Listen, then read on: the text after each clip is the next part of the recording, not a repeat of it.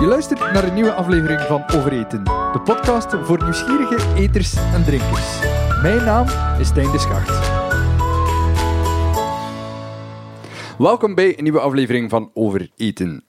Thee, dat is ook wel gekend als chai voor een groot deel van de wereldbevolking. En in ons landje is dat aan een opmars bezig. Theewinkels, theecursussen, theepairings in restaurants, allemaal geleid door thee-sommeliers. Ik voel het aan mijn theewater, dit is een interessant onderwerp. In België staat thee drinken niet hoog in het lijstje van meest gedronken dranken. Sterker zelfs, per capita scoren we lager dan andere westerse landen. Maar de consumptie van thee groeit en na het gesprek met mijn gast van vandaag gaat thee ook geen geheimen meer hebben. Uh, Farah Soleimancha die werkt als thee-sommelier en consultant en reist zelfs regelmatig naar Azië om daar rechtstreeks thee te gaan sourcen. Smaak, dat zit trouwens in de familie bij haar, want haar broer Jarno die werkt als bartender in een van Slans beste cocktailbars, Belroy's Bijou.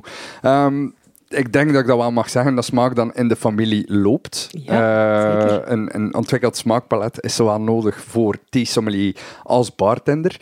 Um, ik heb ooit ergens gelezen dat jij uh, geen alcohol lust of weinig alcohol drinkt en dat je dan heel vaak naar thee aan het grijpen was. Uh, lusten, jawel. Ik, ik lust wel alcohol, maar ik kan er heel slecht tegen. Um, dus dat is, dat schijnt, is dat heel typisch voor Aziaten dat die, uh, ja, dat die dan blozen en daar eigenlijk gewoon echt, ja, dat die heel snel dronken zijn. Um, mijn broer is daar dan weer de uitzondering van. ja, want dat vind ik dan inderdaad dan meteen heel straf. Ja. Uh, dat, dat jouw broer dan ja, een van het lands beste bartender is. Kijk, het, het uh, evenwicht moet daar zijn. Dus wij balanceren elkaar heel goed uit, denk ik. Ja, en, en dat is dan eigenlijk een beetje ontstaan als Um, ja, toen, hè, nu, nu heb je heel veel niet-alcoholische alternatieven in alle uh, vormen en maten.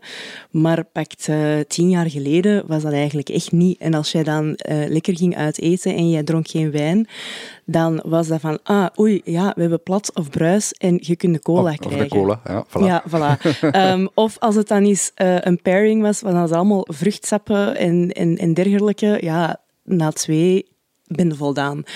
Um, en ik ben in die zin ben ik opgegroeid met thee. Maar dat was eigenlijk altijd jasmijnthee voor, voor bij het eten en zo.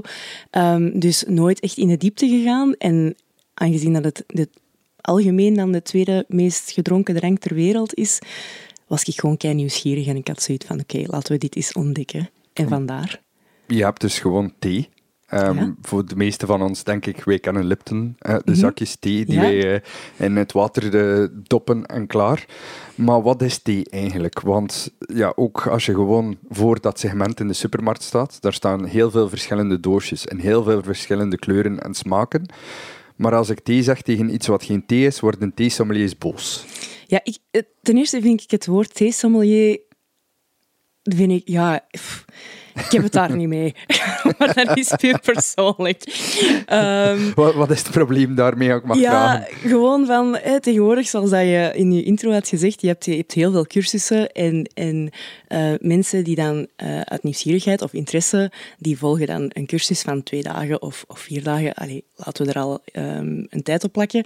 En nadien zijn die dan officieel theesommelier. Um, maar als je dan kijkt van ja, een wijnsommelier, die is ook niet na twee dagen een wijnsommelier. Um, maar het is geen beschermde titel, dus iedereen mag nee, zich wel wijnsommelier en, en noemen. Juist, en juist daarom. Um, dus ja, ik, ik weet niet, ik heb, ik heb zoiets van... Um, hetgeen waar, dat, waar dat wij mee bezig, of waar ik mee bezig ben, dat gaat verder dan thee uitschenken. En ik vind dan het woord theesommelier een beetje ik weet niet, beperkend of zo. Mm -hmm. Um, dus ja, en zeker ook omdat het zo'n algemene term is. Um, nu, moet je niet vragen hoe dat je mij dan wel moet noemen.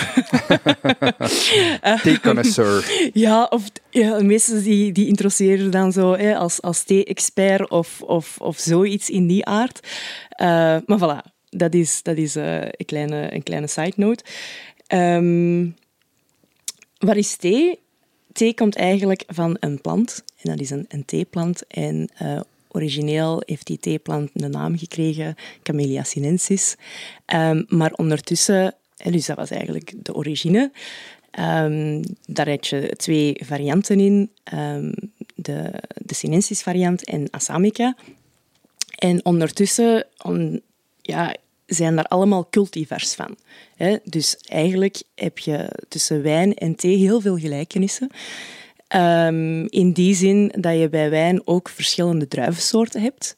En bij thee heb je dus ook nu allemaal verschillende ja, cultivars die dan ook nog eens tussen landen kunnen verschillen. Uh, waarom is dat? Omdat die landen een andere temperatuur hebben, ander klimaat, uh, andere grond. Um, andere insecten waar dat die plant zich tegen moet verweren. Um, dus thee komt altijd van een theeplant. Als we dan spreken in uw intro ook chai, ja, dat is eigenlijk geen thee, want daar zit geen thee in. Daar zitten geen theeblaadjes in. Maar het woord chai is wel een woord voor thee in bijvoorbeeld uh, heel veel Aziatische landen, heel veel, uh, Turkije bijvoorbeeld ook. Daarmee bedoel ik, er is ergens iets wat ik, wat ik gelezen heb, dat het woord thee gekend is door landen waar thee gebracht is door zee. Ja. En als chai gekend door land, in landen waar het via de zijderoute beland is.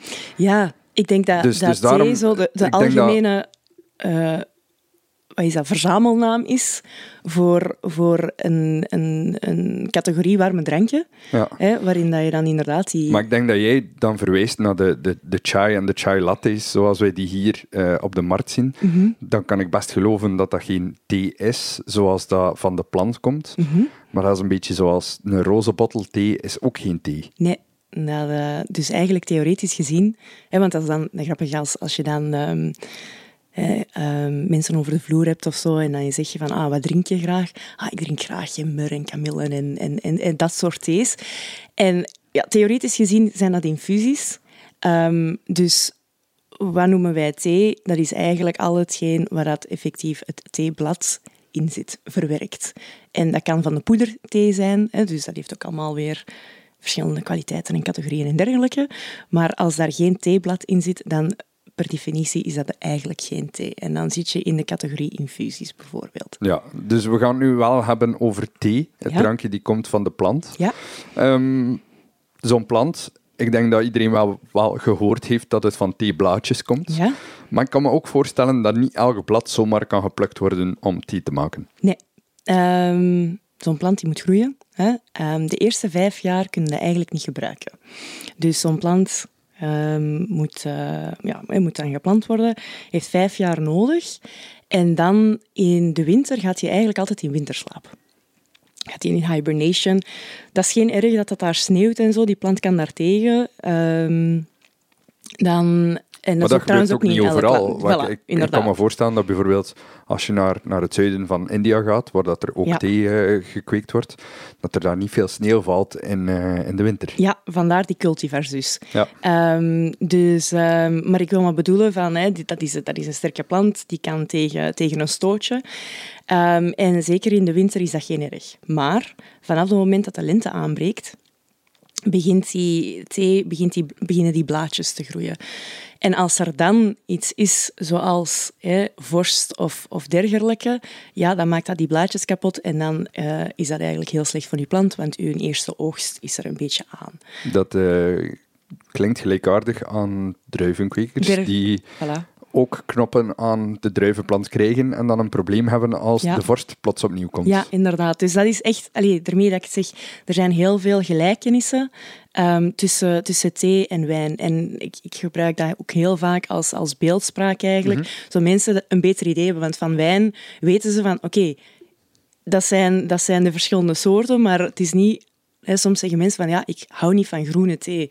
Maar dat is zoals zeggen van ja, ik hou niet van rode wijn. Je hebt daar zoveel verschillende smaken en nogmaals uh, regio's in en dergelijke. De ene is de andere niet. Dus dat is een beetje op ontdekking gaan. Mm -hmm. totdat je wel die smaak vindt die je, die je lekker vindt. Um, maar dan terug te komen op je, op je vraag, zo'n zo plant, die, uh, die gaat dan in winterslaap. Uh, vanaf de lente, allez, zo februari, hè, beginnen die uh, blaadjes te groeien. En dan ook een beetje afhankelijk van regio tot regio. Op een gegeven moment hebben die blaadjes een, een, een bepaalde grootte. Um, en dan heb je de eerste oogst. En die eerste oogst noemen we first flush. Ehm, je zit daar eigenlijk in een periode tussen maart en april, begin mei. Um, en, en die eerste oogst, dat zijn eigenlijk de jongste blaadjes die ze gaan plukken. En omdat die plant heeft eigenlijk al zijn energie gegeven aan die jongste blaadjes, dus dat heeft altijd hè, het, het, ja, uh, als we dan over groene thee spreken bijvoorbeeld, um, de, meest, de meest vegetale smaak, uh, maar ook meest cafeïne dan, hè, of theïne. Um, aan zich, het verschil tussen cafeïne en theïne aan zich is dat hetzelfde uh, chemisch component dat daarin zit. Gewoon, we zeggen dan theïne omdat het over thee gaat. Um, dus, dus die first flush, uh, dat zijn ook de kleine blaadjes. Dus vandaar hè, het feit dat dat het eerste, de eerste oog is en, en, en de kleine blaadjes, uh, zitten we meestal in een hogere prijscategorie. Wil dat zeggen dat dat qua smaak of kwaliteit dan zoveel beter is dan een tweede of een derde oogst? Nee, dat hangt er heel hard vanaf van wat voor thee dat je maakt. Um, dus ja, hoe vaak kan je een plant gaan uh, oogsten? Aan zich, ik source bij, bij boeren die niet meer dan drie keer source uh, oogsten. En waarom is dat? Omdat je anders eigenlijk je plant begint uit te putten. Mhm. Die plant heeft, heeft tijd nodig om te recoveren. Ik weet eigenlijk niet hoe dat, dat met, met druiven zit hoe vaak dat er daar geoogst kan worden. Ik denk um, als het fruit van de plant is, is het gedaan. Ja, wel, is dat ene keer? Ik ga daar ook van uit, maar Dat is een appel, een appel van de boom en die appel is, uh, is weg. Hè. Ja, wel, maar per maar er zijn, andere, er zijn inderdaad andere, andere fruit- en, en plantensoorten die, die perennial zijn, die heel het jaar door fruit geven. Dus die kun je dan wel blijven, uh, blijven oogsten natuurlijk, ja. zolang dat het weer het toelaat. Want ik kan me ook voorstellen dat bijvoorbeeld als je naar een, een, een koude regio gaat, waar dat de mhm. winter heel stevig inzet, ja. um, dan denk ik bijvoorbeeld aan Japan, mm -hmm. dat dat heel anders is dan het voorbeeld van daarnet, uh, het zuiden van, van Indië, dat die planten in het zuiden van India meer geoogst kunnen worden dan het korte seizoen in het noorden van Japan. Ja, maar um, nogmaals daar, nou, eender welke plant heeft tijd nodig om, om zijn eigen he, te herstellen um, wordt die heel vaak geoogst. Uh, er zijn inderdaad regels waar dat er misschien twaalf keer per jaar of zo geoogst worden, zes keer per jaar, Allee, al, het, al hetgeen daartussen. Um, die plant na 15 jaar is die op. Mm -hmm. Of 10 jaar soms zelfs. Uh, en dan moeten gewoon opnieuw alles maken. En, en um, ik geloof in uh, duurzame oogst. Mm -hmm. En dat dat eigenlijk iedereen ten goede komt. Ja, maar zoals hij zegt, ja, ik kan me wel voorstellen dat dat, dat, dat ook al omdat die plant dat toelaat, en dat het mhm. klimaat dat toelaat, om meer te oogsten. Als je maar drie maanden een, een mooie zomer hebt, dan is je tijd sowieso al beperkter dan dat je ergens dichter in de warmte zit, wat dat er zes maanden is. Ja. Um, maar dan die, die blaadjes, uh, of, of liever die plantages, die hebben dan neem ik aan verschillende plantages die ze eh, bijvoorbeeld de eerste week van maart gaat plantage 1 eraan, de tweede week van maart plantage 2 enzovoort, om, om toch een, een grote hoeveelheid thee te voorzien. Want je zei al, dat is de tweede meest gedronken drank ter wereld. Mm Dan moet er toch wel veel uh, geproduceerd worden. Ja, het grappige is dus, um, je hebt eigenlijk een hele short window. Allee, zoals bij die druiven, uh, om daar nog eens terug naartoe te gaan ja, je hebt die druiven die zijn rijp en dan denken die, ah, oh, fuck, morgen is het vorst, we gaan het toch al moeten oogsten. En uh, als het allemaal dezelfde cultivar is, ja, die moet ook allemaal op hetzelfde moment geoogst worden. Daar kun je dus niet mee zeggen van, ah, hè, uh, we hebben hier uh, twee hectare, dat gaan we nu vandaag gaan we dat oogsten. En die andere twee hectare, die laten we voor volgende week, wanneer we de rest hebben um, verwerkt. Dus nee, dat is echt, als het theeseizoen is, is dat volle, volle bak. Um, is dat vrijwilligers zoeken? Is dat werknemers hebben? En ja, seizoenwerkers dus.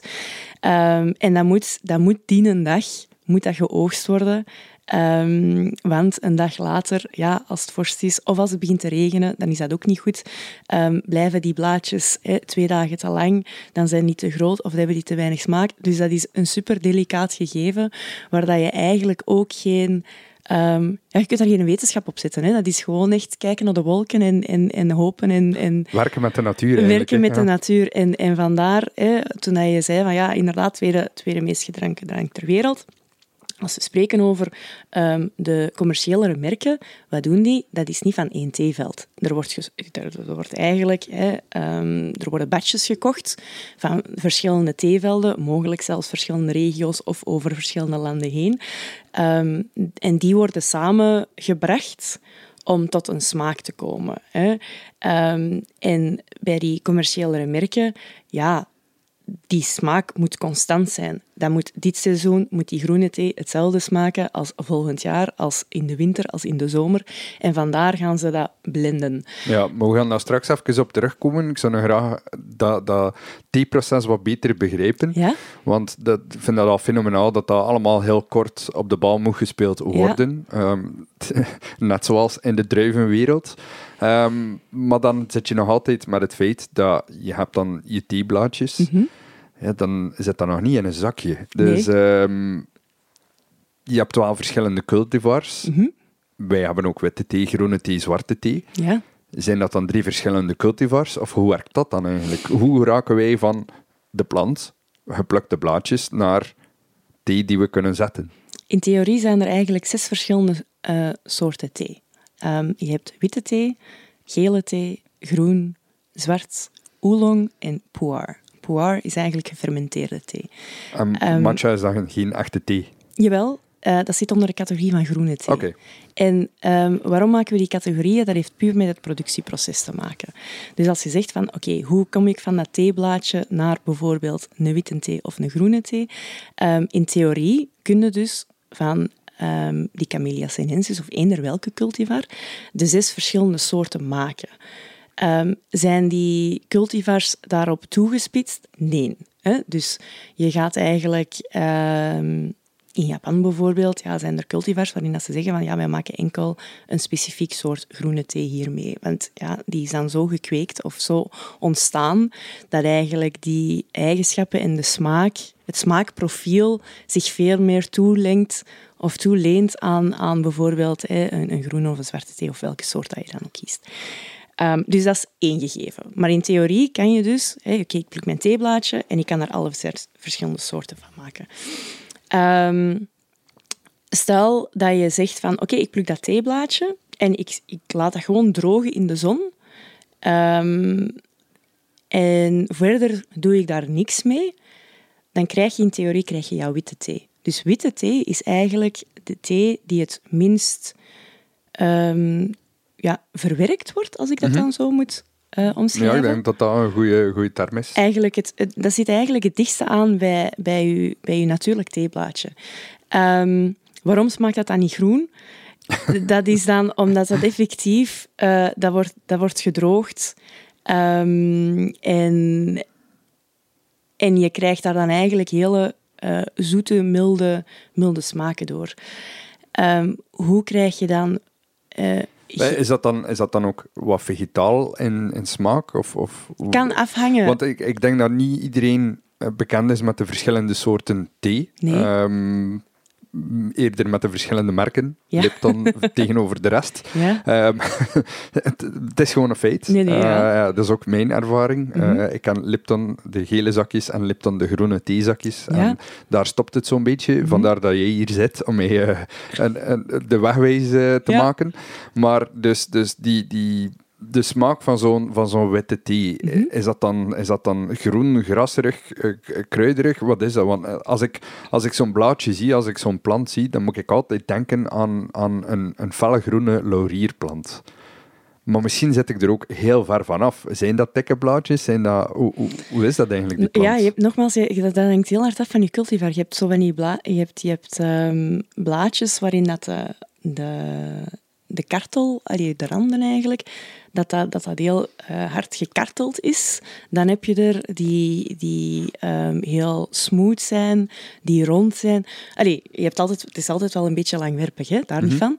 van. Um, je hebt, uh, er is een thee in China en dat noemen ze Buddha's hand. Ja, die blaadjes zijn even groot als je hand. Um, dus dat hangt heel hard af van je plant. En, en dus omdat uw plant uh, bepaalde eigenschappen heeft. Ja, de ene plant die gaat, die gaat veel floraler zijn, bijvoorbeeld. Ja. Je hebt, je hebt oolong-thee, um, dat smaakt echt naar orchideeën. ehm, al, het, al het bloemige wat je je kunt voorstellen. Die oolong, is dat een variant van de witte thee dan?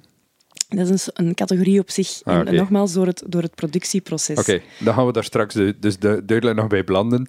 Maar dus die, die, die witte thee, dat zijn de theeblaadjes. Dat is eigenlijk een infusie gewoon van een gedroogd theeblad. Ja, ehm, en dan, om, om, om, om op de smaak terug te komen. ehm, in het algemeen is een witte thee delicaat van smaak. Ehm, daarmee wil ik bedoelen, dat is eh, zoet, zacht. Ehm, je kunt daar soms in de nasmaak wel zoiets iets kruidig hebben of iets groen. Ehm, maar over het algemeen moet dat, moet dat delicaat zijn. Wat vind ik het probleem of de moeilijkheid bij witte thee, ehm, is dat dat heel vaak denken mensen van, ah ja, dat zijn dan de jongste blaadjes. Eh, heel vaak zijn dat theeknopjes, dus dat zijn teabuds. Daar zie je, en hoe herken je dat? Ehm, aan kleine haartjes eigenlijk aan je thee. En dan weet je ook van, ah, oké, dat is waarschijnlijk een first flush. Ehm, dat zijn de eerste blaadjes die dan geplukt zijn. Ehm, dus ze, allee, ze denken dan van, oké, dat is hier premium van de premium. Maar als je dat dan proeft, soms kan dat echt heel stoffig smaken. en dan denk ik, ja, dat is dan heel tof, hè, dat dat dan eh, een dure witte thee is, maar dat smaakt hier naar gewoon letterlijk stof. En waar ligt dat dan aan? Dat kan effectief aan die plant liggen, dat kan aan, aan de oogst liggen, dat kan aan de plantage liggen, dat kan aan de manier waarop dat die thee bewaard is Ja. liggen. Ehm, er zijn heel veel verschillende factoren. Eh, maar, maar voilà, dus witte thee, eh, dat, die, om, om samen te vatten, dat, dat, ligt, dat zit het dichtste bij je natuurlijk theeblad. Dat wordt gewoon gedroogd. En qua smaak moeten we denken aan delicate smaken. Ja. Dus dan heel simpel, dat is de makkelijkste manier om thee te produceren. Eh, je plukt blaadjes, je laat ze drogen. Wat ik mij ook afvraag, jij gaat af en toe naar theeplantages. Jij bekijkt daar waarschijnlijk ook wel een keer de velden en de, de, de planten zelf. Als je zo'n plant, als je zo'n blaadje van die plant plukt en je proeft dat, hoeveel scheelt dat met, het, met het, hetgeen dat je dan in een theeversie krijgt? Eh, Of is dat niet te, niet te vreten? Jawel, dat, maar ook, ook weer afhankelijk van, van uw productieproces. Dus er zijn... ehm, wacht, hè. Ik ga...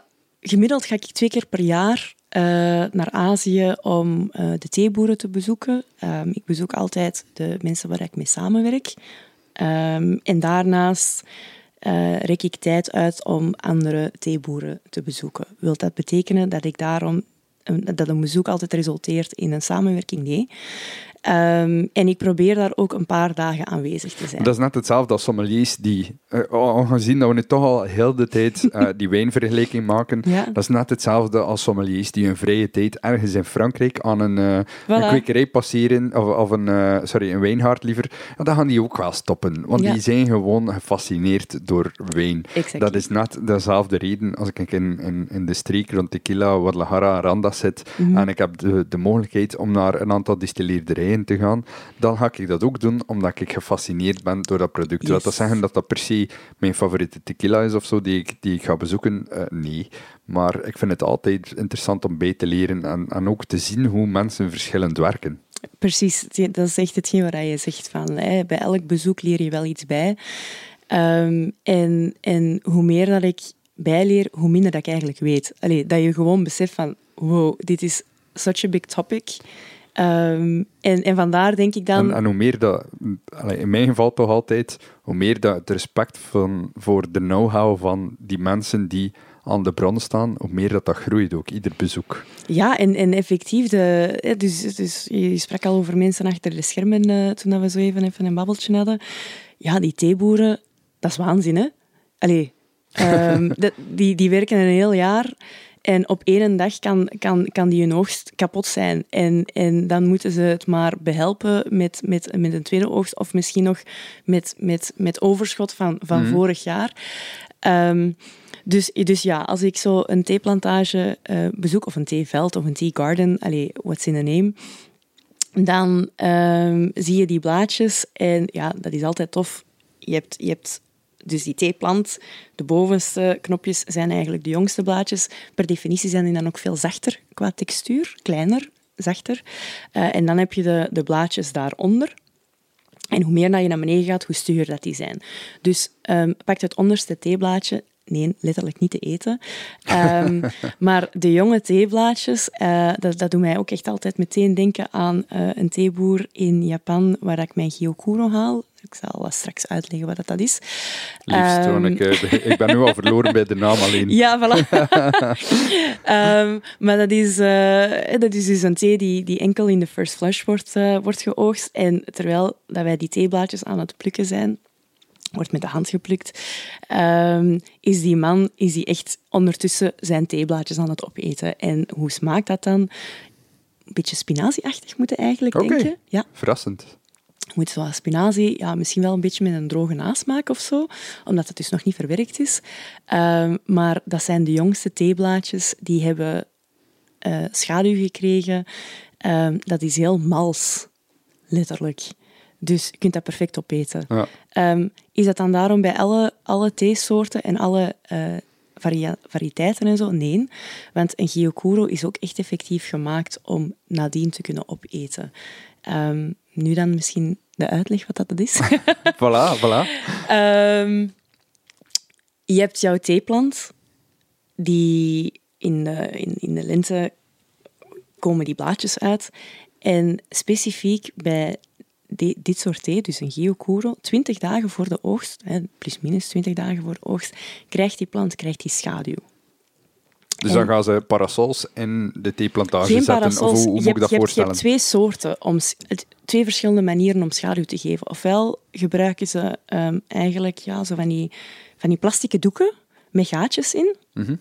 En dat trekken ze erover. Ofwel heb je de traditionele manier, en dat heet honzu in het Japans dan. Um, en dat is eigenlijk, dat zijn rieten, rieten of ja, stroe, stroe daken dat ze overal gaan, gaan liggen. Met, ja, dat zijn matten die ze dan maken. En, en daar zit eigenlijk een beetje een stelling boven, mm -hmm. boven die theeplanten. En daarop gaan ze die, gaan ze die matten leggen.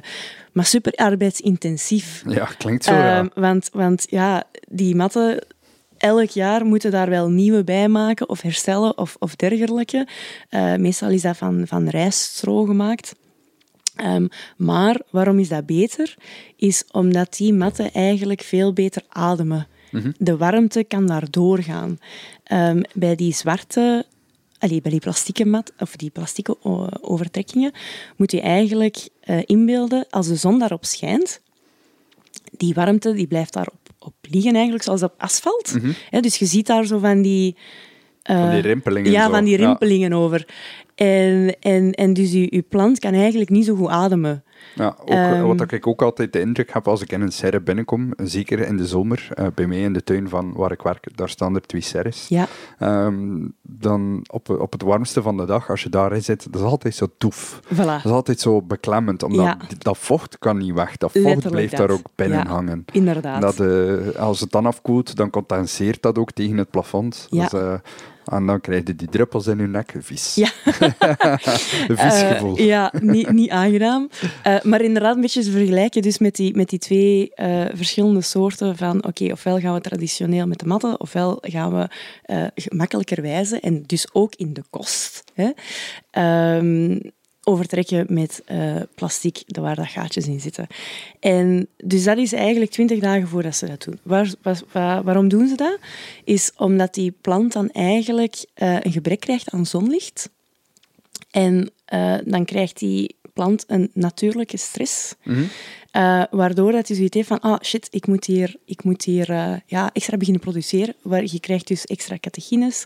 Ehm, die wadden. Catechine, ja, dat is een, een, een chemisch component. Dat zorgt voor, voor, voor je smaak ook. Zorgt dat die blaadjes ook zoeter zijn. Ehm chlorofiel. Ehm je, je kleur wordt dus ook anders. eh, wordt donkerder. Mhm. Ehm, en je blaadjes worden zachter.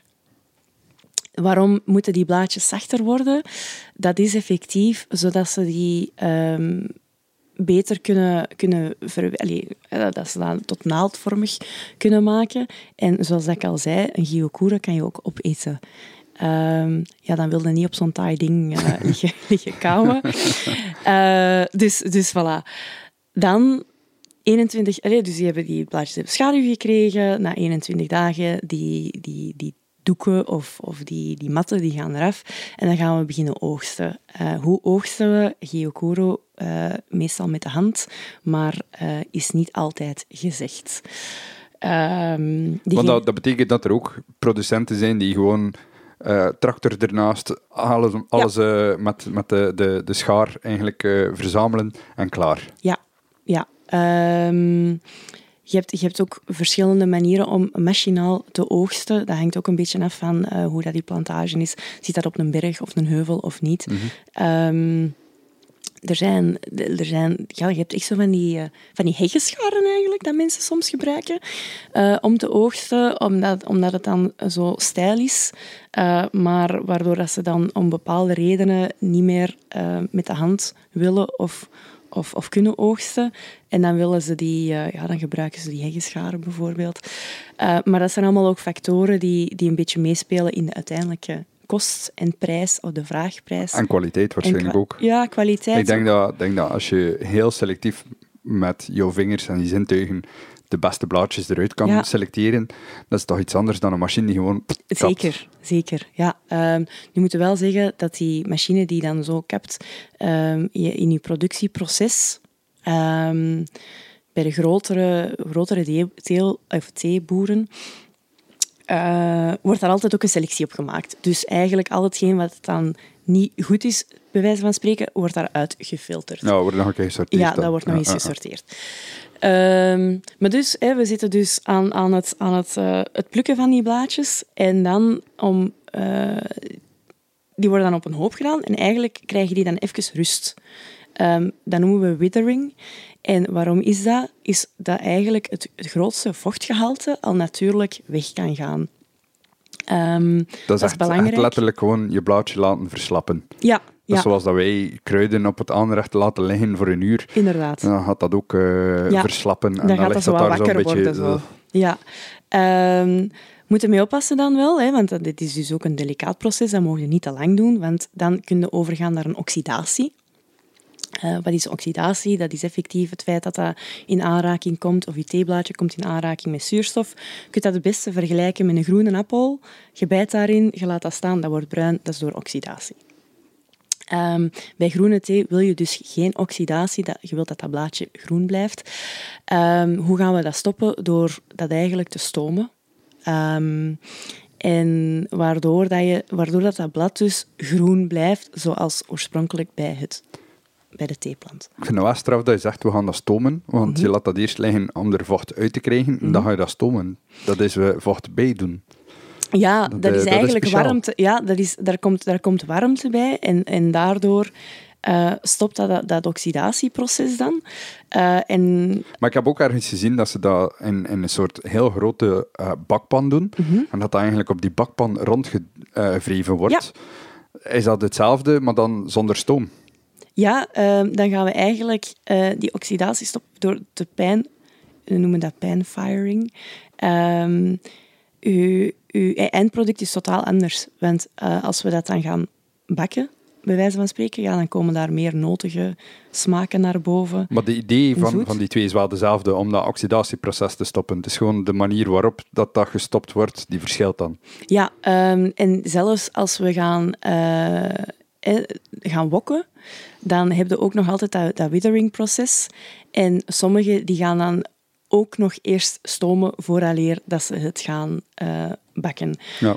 Um, ik heb een en dat is, het grap, dat is eigenlijk het leuke eraan. Je hebt standaard productiemethodes, um, maar niet elke boer volgt dat. Ja, ik denk dat dat, in, alleen, om nog maar eens de, de vergelijking te maken, zoals bij wijn. Mm -hmm. um, en, en... Ik denk dat er natuurlijk voor sommige AOP's, beschermde wijnregio's en maar op, dat je wel bepaalde processen moet gaan volgen. Ja, zoals champagne. Hè? Maar er zijn ook nog altijd boeren in bepaalde regio's die gewoon hun eigen ding doen. Ja. Uh, omdat ze kunnen, omdat ze vinden dat het een betere wijn oplevert, noem maar voilà. op. Um, ik weet eigenlijk niet, zijn er zo uh, vergelijkbare um, beschermingsregio's in, in de theewereld? Uh, bijvoorbeeld, je, je, je spreekt over, als we dan uh, een andere theesoort nemen, uh, ook in de groene categorie, dus die Gyokuro, dat is, dat is het, beste wat je daaraan aan, aan, aan kunt uh, herkennen is effectief dat, dat is naaldvormig, heel dun. En het feit dat hij die schaduw heeft gekregen, dat is enkel voor een Gyokuro. Ja. Hè? Anders Maar dus als iemand, niet- als iemand in India diezelfde productiemethode toepast, Ja? eh, ik blijf nu India zeggen, maar het kan even goed Vietnam of, of, of, of China ja, of, zijn, of wherever. Ehm, kunnen die dat dan ook, die Gyokuro, heten zonder eh, gevolg? Dat is grap. Ja, dat is eigenlijk een goede vraag. Want, Ik- want ja, champagne is ondertussen internationaal beschermd. Tequila Mescal is internationaal beschermd. Ja, hier in België was er een paar jaar terug iemand die probeerde een, eh, een product op de markt te brengen als tequila die gerijpt was in België. En dat mag niet. En die heeft zijn product ook van de markt moeten halen. Ik denk eigenlijk dat dat kan. Want, eh, waarom zeg ik dat? Als we dan spreken over matcha, wat dan eigenlijk een gepoederde groene thee is. ehm, dus we pakken die jongste blaadjes, die worden gestoomd, wordt gedroogd. Dan zitten al die nerfjes en zo zitten daar nog in, die worden eruit gehaald. Hetgeen wat je dan hebt is puur blad zonder, zonder nerfjes. Ehm, en dat wordt gemalen. Eh, je hebt daar verschillende manieren waarop dat, dat wordt gemalen. Eh, die manieren die zorgen dan ook voor de prijs. Ehm, idealiter heb je malen met, eh, met- ja, er is stone mill, met, met zo'n, ja, hoe noem je dat? Zo'n steen, Zo'n steen, ja, steenmolen. Ehm, maar dat duurt een uur voordat je dat je 40 gram hebt. Ja, kunnen we even denken dan van, oei, ik heb hier eh, 100 kilo nodig. Dat duurt een eeuwigheid. Of je hebt daar heel veel van die machientjes voor nodig. Ehm, dus en vandaar, heel veel grote machines. Ja, en vandaar dat ze dus ook naar die alternatieve ehm, methodes gaan. Eh, maar dus om terug te komen, ja, kunnen we dat dan... eh, als we dat in, in India gaan maken en we volgen dezelfde productiemethode, mogen we dat daar ook matcha noemen? Ja. Ja. Eh, want je hebt ook Chinese matcha. Ja. Ehm, vandaar is het eigenlijk heel belangrijk om als consument te weten van eh, waar komt mijn product vandaan. En dat is dan het grappige, want je sprak zo even over, oké, ik ga hier naar de supermarkt en ik zie hier een, een ton aan verschillende soorten smaakjes en, en dergelijke. Ehm, pakt uw Lipton, kijkt op de achterkant, daar staat niks van regio, daar staat niks van eh, hier hebben we dat geoogst of, of op die een datum of whatever. Want, omdat die over heel de wereld eigenlijk nogmaals sourcen om dan tot hun uniform smaak, eh, uniforme smaak te komen. En ik denk ook niet dat het verplicht is, of waarschijnlijk zal het niet verplicht zijn, om, eh, om je afkomst daarbij te zetten. Mhm. Ja. Dus dat, dat is heel belangrijk natuurlijk, dat mensen zoals jij die kennis gaan doorgeven aan mensen zoals ik, die Ja. wel een interesse hebben, maar geen clue. Ehm, dus dat is wel interessant eigenlijk. Dus eigenlijk, alles kan matcha zijn, alles kan gyokuro zijn, als het op een bepaalde manier gemaakt is. Maar dat wil niet zeggen dat iemand in, in Vietnam of China diezelfde kennis en ervaring van eeuwenlang heeft, zoals dat ze effectief in Japan die thee al eeuwen Ja. maken. Ja, en ook, ze hebben, daar, ze hebben daar andere cultivars. Dus je hebt wel je cultivar daarvoor nodig om tot een bepaald smaakprofiel te komen. Ehm, waardoor dat niet iedereen die thee kan maken, wilt maken. Mhm. Ehm, maar ja, dat is eigenlijk een beetje zoals dat wij in België ook wijn beginnen maken. Ehm, dus ja, sluit ik dat uit dat er in Vietnam nooit geen Gyokuro gaat zijn? Nee, weet ik daarvan dat daar een goede Gyokuro zit?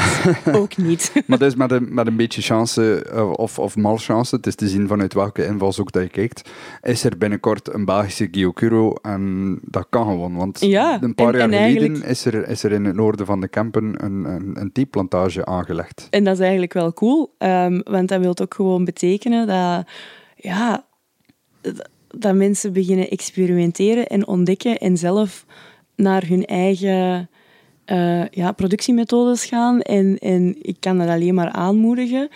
Ehm, Maar ik denk dat iemand die hier in België een, een eh, kwekerij begint, dus op een lap grond volzet met theeplanten, wat dat die heeft, is het gewicht van traditie ligt niet op die schouders.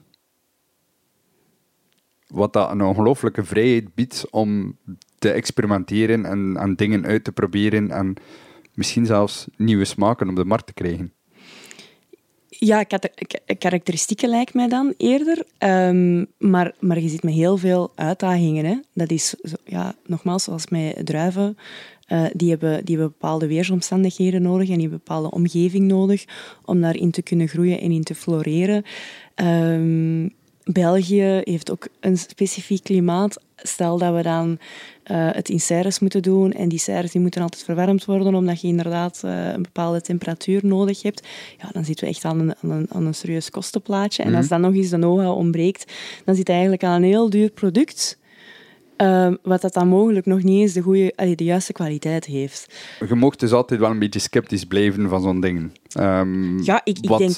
Het kan zeer goed zijn, maar het kan, zoals dat je nu zegt, ook heel average zijn.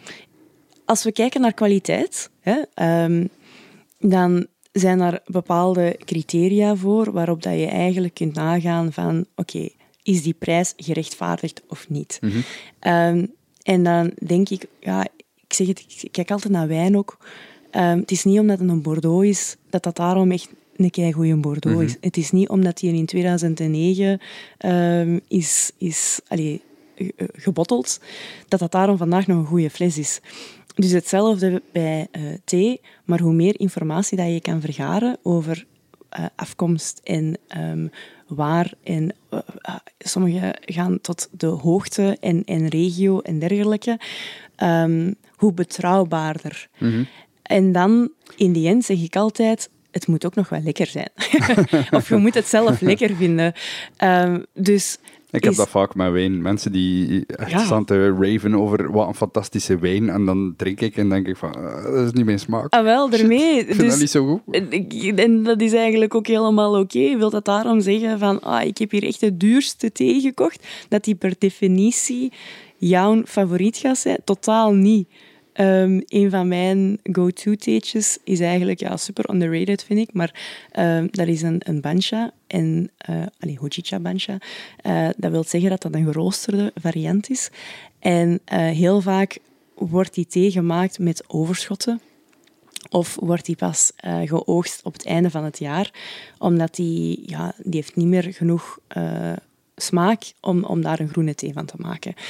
Um, maar omdat ze dat gaan roosteren, ga je eigenlijk alle cafeïne uit die, uit die thee. En je krijgt hele zoete, uh, warme, nootachtige, houtachtige smaken. Dat is een heel aangenaam voor mij complexe, complexe smaak, die ik gewoon de max vind. Ja, en dat is eigenlijk een van de goedkopere soorten. Dus vandaar. Ja, tuurlijk, tuurlijk. Prijs zegt niet alles.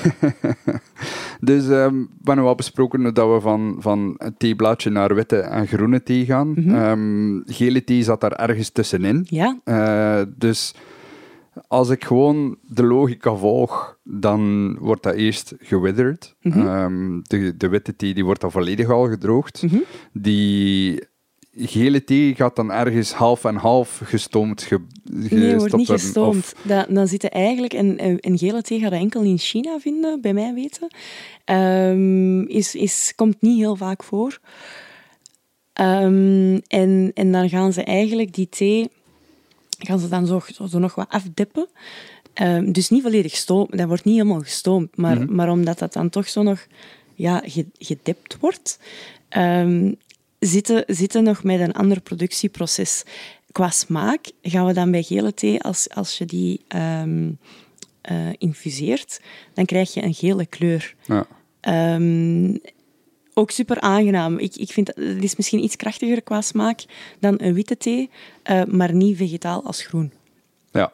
Voilà. Voilà, ergens tussenin. Ja, er, ergens tussenin. En als je dan kijkt naar, naar percentage, dan denk ik dat gele thee misschien nog de kleinste categorie van allemaal is. Ja, ja als je zegt enkel China, ja. dan, dan kan ik geloven dat dat één enkel daar voornamelijk geconsumeerd mm -hmm. wordt en dat de rest van de wereld zich focust op witte, groene en ja, zwarte inderdaad. thee. Het is ook de Ja, enige drie die ik ja. eh, kende. Ja. Oolong is een naam die ik al heb horen vallen. eh, U- en, en matcha ook tegenwoordig, omdat je dat heel vaak in desserts eh, bij restaurants ziet. Of, of in, in, in allerlei bakkerijen. Ehm, ik heb het geluk dat ik ooit in Japan eh, geweest ben. En Mhm. daar zag ik dan eh, van, die, van die kerels met een hamer op de matcha slaan.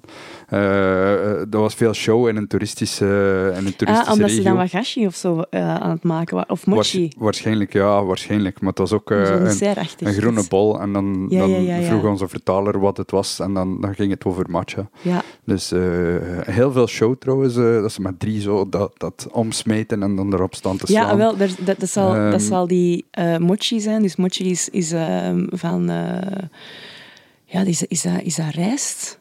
Ja, dat is een soort dessert ook. Hè. Ja, dat is echt een dessert, met zo very gooey. Ja, supergoed. Ehm, en, en daar zullen ze dat matcha in hebben gedaan. En inderdaad, om, ze, ze, ze kloppen daarop met die hamer om dat, om dat heel mals te Ja. maken. En, en, eh, Ja, dingen. het, ziet er, Ja. het ziet er spectaculair uit in ieder Ja, geval. Dat, eh, dan kan ik, als je in Japan bent en je ziet van die kerels dat doen, dat, dat is super cool om te zien. Ja. Want die slaan heel snel en toch eh, slagen die erin om niet op hun handen geslaan te worden. Super cool om te zien. ja. Maar ik dacht dat dat dus bijvoorbeeld al thee was. En dan dacht ik van, eh, Nee, daar, ik, zit, daar eh, zit thee in. Ja, voilà. Kijk. Ehm, maar weer al. Ja, voilà, kijk. Ehm, maar goed, ja, dan, dan die groene thee. Dan heb je nog die andere soorten, eh, de oolong, de zwarte thee. Waar zit daar het verschil dan? Hoe wordt dat dan gemaakt? Een oolong ehm, krijgt... Dus eigenlijk zwarte thee is 100% geoxideerd. En dat wil dus bedoelen... Dus ze, ze, ze hebben die blaadjes. Ik, ja, ik weet dat ik u onderbreek, maar Nee, gewoon om, om te zien of dat mee ben in de logica. Mhm. Ze hebben die blaadjes laten wilten, Mhm. maar ze laten dat dan nog langer liggen tot dat die echt zo beginnen verkleuren en dan pas Ja. gaan ze er thee van maken. Ja, effectief. Ze gaan die echt laten rusten. Ehm, dat kan dat is een beetje afhankelijk, maar dat kan tot een paar dagen duren. Ehm, en en die, die blaadjes, ja, die worden, die worden bruin. Ehm, dus je gaat tot een, tot een 100% oxidatie. En dan gaan ze dat eh, verwerken, waardoor dat je blaadje... Ja, hè, zoals met je appel, dat ik heb gezegd. Ja. Ehm, waardoor dat je zwarte thee krijgt. Ehm, dus dat is uw categorie zwarte thee, 100% oxidatie. En dan heb je eigenlijk een, een hele grote categorie, oolong, dat wij noemen. En dat is geoxideerde thee. Maar hoeveel? Dat kan tussen de 20, de 80, de 90 zijn. Zolang Dus dat de het zwarte geen... thee is 100%, Ja. Mhm. is gewoon volledig verkleurd en dan past die. Oolong zit daar ergens tussen. Ja, dus jij kunt zeggen Dus van... eigenlijk is er, is er in, in het productieproces van na het plukken Mhm. tot zwarte thee eigenlijk verschillende stappen en zo kom je aan die verschillende soorten thee uit. Ja, en, en verschillende soorten smaken en, en, en, en verschillende soorten ka- karakteristieken. Ehm, Maar dus oolong 20, 30 feet, het is afhankelijk van de producent hoe ver dat, dat gefermenteerd is. ja, en of, of geoxideerd, want dat is niet hetzelfde. Nee, het is geen fermentatie, Ja. het is een oxidatie. Ehm, en eh, die oxidatie, ja, het is een beetje te zien welke, welke soort dat je wilt maken. Bijvoorbeeld Thi Quan Yin, dat is een, een oolong thee, die, ehm ja, zitten we rond de 80 Dus eh, hoe, hoe, hoe meer geoxideerd, hoe dichter dat je bij zwarte thee gaat. Hè, dus dat is, je kunt wel zeggen van, ah ja, oké, 80% geoxideerd. Ja, dat gaat geen floraal, floraal, floraal palet zijn. Ehm gaat dan naar 20%, ja, dan gaat het inderdaad meer naar, naar lichte smaken. ehm, en, en ja, misschien perzik en, en dergelijke zitten aan, aan uw 40, ja, dan zitten daar meer groen. Dus dat is zo'n beetje uw, uw houvast. Allee, hoe noemen we het? eh, oriëntatie eh, gegeven. Ehm, maar daar zit een hele grote eh, range in. En het is dan maar te zien van, oké, ik als theeboer, ik wil dat soort thee maken. En voilà, Ja. Daar ga ik dan daarmee aan de slag.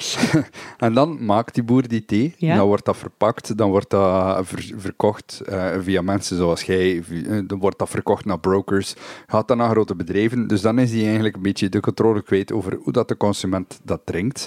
Want als je zo'n theezakje van Lipton kort in je thee houdt, of je laat dat heel lang erin zitten, dan is die smaak ook totaal verschillend. Ehm, in de wereld van koffie zit je tegenwoordig met mensen die hun koffie op de weegschaal zetten en dan eh, het water op een bepaalde temperatuur exact zoveel gram erover gieten, omdat dat eh, bepaalde smaken beter of minder gaat accentueren. Ehm, is zo'n nerdiness ook aanwezig in de theewereld? Het zal wel. ja, ja, het zal wel. Ehm, maar, maar ook weer daar een beetje afhankelijk van welke kwaliteit heb jij gekocht en, en waar komt het vandaan? Is het een massaproductie ehm, of niet? Bij delicate eh, nee, niet per se delicate. Ik, ik heb het over small batches, Mhm. hè, kleine oogsten. Wat is een kleine oogst? Ja, dan, gaan we, dan spreken we over enkele kilogram. Ehm, of enkele kilo's. En, en die, ja, die massaproducties, dat gaat over tonnen thee. Ehm, dus die tonnen thee, die is ook zo geproduceerd, gemaakt, dat die dummy-proof is eigenlijk. Ehm, Ik ga straks nog op, op, op terugkomen, want dat is niet dummy-proof. En ik ga ook uitleggen waarom dat, dat zo is. Maar eh, vertel gerust verder. Ja, dat zal, dat zal wel een richtlijn hebben, maar, maar dat is wel echt gemaakt voor, voor, voor ja, Jan met de pit, die zoiets heeft van, ik wil snel mijn smaak, zoals effectief een Lipton zakje, en, en, en je zet dat erin en klaar. Ehm, gaan we naar de nerdiness, dan ja, willen wij echt weten van, oeh, wat is daar het beste receptuur en welke smaak ja, wil ik erboven halen? En als we dan over tea pairings gaan kijken... ehm, ja, dan, dan, dan kan dat wel eens echt ehm, een, een receptuur hebben. Een zetmethode, zeg maar. Ja, want zetmethode in de wereld van koffie, wat dat iedereen ondertussen wel al gezien heeft, er zijn daar doorloopkoffies, dat je gewoon water overgiet. Er zijn koffiemachines waar dat er onder hoge druk warme, warme stoom bijna doorgeduwd wordt, Ja. om zo eh, cappuccino's en zo te maken. Is dat ook aanwezig in, in de in thee? Want ik heb eigenlijk nog geen thee-cappuccino-machine gezien, om het zo te zeggen. Ja, ik ken al wel. Ja, Zot. maar dat geloof ik wel. Maar je zit ook meer in die wereld dan ik, daarom dat je hier zit. Nee, eh, ehm, ik denk dat Starbucks heeft zo zelfs een, een, eh, een merk opgestart. Een theemerk. Maar ik denk dat dat ondertussen failliet is. Allee, ik weet het eigenlijk niet. Ehm, maar eh, die waren dus... Die hun plannen waren om... ehm, zoals Starbucks, allemaal rond de koffie, eigenlijk een gelijkaardig iets te doen, allemaal rond de thee. Ehm, en ik denk dat Senseo ook iets van een theeapparaat heeft, maar dat echt zo van die theepatches. Zodat je je Nespresso koffiepatches hebt, dat je ook van die theepatches hebt. Ehm, dus dat is er allemaal. Ehm, en ja, je kunt het jezelf zo moeilijk en zo makkelijk maken als dat je zelf wilt. En als jij zoiets hebt van, oké, zo'n theepatje, ik vind dat kei lekker, go for it. Allee, Ja, natuurlijk. eh, ik denk dat dat het Ja, belangrijkste over is. smaak valt niet te twisten Ermee. natuurlijk. Je, als, als iemand iets lekker vindt, Ja, wie ben ik om te zeggen van, voilà, ja, nee, daar, dat is... daar, stopt de discussie. Ik vind dat lekker. Oké. Ja, Eh, super, hè? Ja, zoals dat maar- mensen een oude Egbers hebben. Ja, kijk hoe, ik ben daarmee opgegroeid. Ah Ja, tuurlijk. Ehm, tuurlijk. dus voilà. Dat eh, in geval van Lipton of, of, of een van die andere Britse merken, eh, daar zijn ook grenzen te trekken Ja. in, dat, in, in het Verenigd Koninkrijk, van wie in, in welke regio wat voor thee drinkt, bijvoorbeeld. In Yorkshire drinken ze andere thee dan in het zuiden van Engeland en noem maar op. En die zijn dan ook heel trouw aan die merken, omdat dat gewoon deel is van, van Mhm. Hun identiteit. hun identiteit hè. Voilà. Ehm, maar ik kan me wel geloven, als je dan inderdaad voor small batch thee gaat, of dat dat nu een witte of een groene of oolong of noem maar op is, Mhm. dat er een aantal dingen zijn waar dat je op moet letten. Ehm, iets heel belangrijk, denk ik, is water. Yes. Want zonder water heb je gewoon maar droge blaadjes. Ja, eigenlijk het grootste deel van je thee is water, hè. Ja. Ehm, Wat, wat is jouw advies over water? pH-neutraal. Eh, dat wil zeggen dat wij naar een pH-waarde gaan. Dat kun je achterop op je fles zien. Ja, maar Ehm, hetgeen in de kraan niet. En wat ik zie, is dat heel veel mensen die thee zetten, gewoon water uit de kraan in een eh, waterkoker gieten en dan over de thee. Is dat een slecht idee? Moet ik eh, investeren in een Brita-filter? Is dat een slecht idee? Goh, ja en nee. In die zin, ehm, het, gaat, het gaat over je eigen nerdiness en je eigen interesse. Ehm gaat het een smaakverschil hebben? Ja. Maar gaat dat, gaat dat, dat proeven in je, in je Lipton-thee? Mogelijk niet. Of jawel, ik heb dat wel getest en ja, dat gaat het daar ook in proeven. Ehm, wat is, wat is eh, kraantjeswater? In België is dat drinkbaar, dus daar moeten zeker geen schrik van hebben van ah ja, nee, eh, ik word daar ziek van of zo. Zeker niet. Maar, En ook ehm, niet omdat je het kookt. Dus moest er al iets slecht in zijn, dan kookt het er toch uit. Maar, maar daar, zit, daar zit kalk in, daar zitten, daar zitten nog eh, bepaalde smaken in, ehm, wat, dat gewoon een impact hebben op je thee. Klaar. Ehm, dat kan ook zijn dat als jij die thee zet, dat er dan zo een, een, een filtertje op zit. Dat, dat is van die residu, residu van, van je water en zo. Ehm, dus is dat top? Nee. Kan het? Ja. Ehm, en, en als we dan naar uh, het ideale gaan, um, dan willen wij eigenlijk dat ons, dat ons water um, zo neutraal mogelijk is. Want dan kunnen we de thee laten, laten, laten spreken. Hè. en waar kijken we dan naar? Is, is, is pH-waarde. Dus uh, dat is 7. Um, welke merken hebben dat bijvoorbeeld? Dan kunnen we naar spawater gaan kijken. Uh, Montcalm. Um, ja, je hebt zo, echt zo verschillende merken die dat hebben. En dan ga je ook kijken naar je restwaarde. Je restwaarde is eigenlijk, um, als je water helemaal hebt gekookt, wat, wat, wat is je residu? Waar, welke mineralen blijven erachter? Voilà, Hoeveel kalk inderdaad. blijft erachter? En noem maar op. Ja. Wat heeft dat als impact? Kan, kan impact hebben op je kleur. Um, dus als je water gebruikt met heel veel uh, restwaarde, dan, dan kan dat troebel. Dan, okay. kan, kun je een troebel thee krijgen. Uh, dus voilà, in, in die zin, ja, er zijn, er zijn denk ik zelfs watersommeliers. Ik weet niet of ik dat ook een sommelier mag noemen. Misschien heeft dat ook een andere naam. Maar ja, er is, uh, het is geen ehm, beschermde titel en er zijn er zeker voilà. die zich zo noemen. Dus, dus, uh, 100% zeker, denk ik, als, als we ze gaan googlen, dat we er vinden. Uh, en, en, en daarmee, ja, zeker omdat water dan zo een groot, een groot deel uitmaakt van thee, uh, gaat dat, gaat dat een impact hebben. Ja. Maar dus gewoon mijn waterkoker is goed genoeg? Of zijn er nog andere manieren dat ik moet nadenken over mijn water? Ja, ik... ik uh, persoonlijk, als ik, als, ik, als ik echt tastings zo doe, dan... Um, je, hebt twee, je hebt twee soorten tastings. Ofwel wilde mensen iets laten proeven op de beste manier. En dan ga je inderdaad naar je beste water gaan en, en dergelijke. En je hebt echt zoiets van, oké, dit is... deze thee is gezet waarop dat we echt het beste halen uit, uit die smaak en dergelijke. Um, of je hebt zoiets van, oké, wacht in hoeverre gaan, gaan, gaan mensen daar ook zo diep in? En je wilt eigenlijk dat als ze die thee kopen, dat ze thuis dezelfde ervaring kunnen um, hebben dat als ze die hebben geproefd. Want ja, voor hetzelfde geld zeggen die van, amai, dat was kei lekker en super de max. En dan gaan ze thuis aan de slag met een waterkoker en die hebben zoiets van, vader, je hebt mij een ander een thee meegegeven. um, en dan, en dan dat is altijd zuur ja, als dat is niet leuk. Dus, dus um, ik test ook altijd met gewoon water, omdat je dan zoiets hebt van, ja, ik kan niet verwachten van mensen dat die, dat die altijd hun thee zetten met, met um, gebotteld water. Sommige mensen, en dat snap ik ook echt, zijn daar, zijn daar een beetje tegen. Um, hier, uh, het enige gebotteld water hier in huis is spuitwater. Ah ja, de rest is ook gewoon kraantjes water. Ja, en je, je, je zou, zelfs voor, voor spuitwater hebben we tegenwoordig van die... Uh, ja, van die SodaStream uh, machines. Voilà. Ja, Dus, dus ook dat kan allemaal. Um, dus ja, nogmaals, je kunt daar zo diep in gaan. En, en, en uh, als je dan zegt van, oké, wat is dan de volgende stap? Als ik toch een beetje dieper wil gaan, ja, waterfilter. Dus dan filteren je water. Je hebt daar ook weer uh, duizend verschillende manieren en soorten in. Um, en dan denk ik dat je dan naar gebotteld water gaat, uh, dat dan altijd constant is en, en dergelijke. En eigenlijk het beste is dan zo nog um, water van de berg zelf. ja, ik zeg het, in, in, in Azië, oh, dan, dan, ja, dan zitten in de bergen en, en die theeboeren die, die halen dat letterlijk van de bergen. Ja, dat is de waanzin, hè? Ja. Dus maar ook daar, ja, Japan heeft dan heel neutraal, uh, mineraalarm water. Mhm. Ik kan me voorstellen dat je ergens in het noorden van India met uh, heel mineraalrijk water zit die uit de Himalaya stroomt.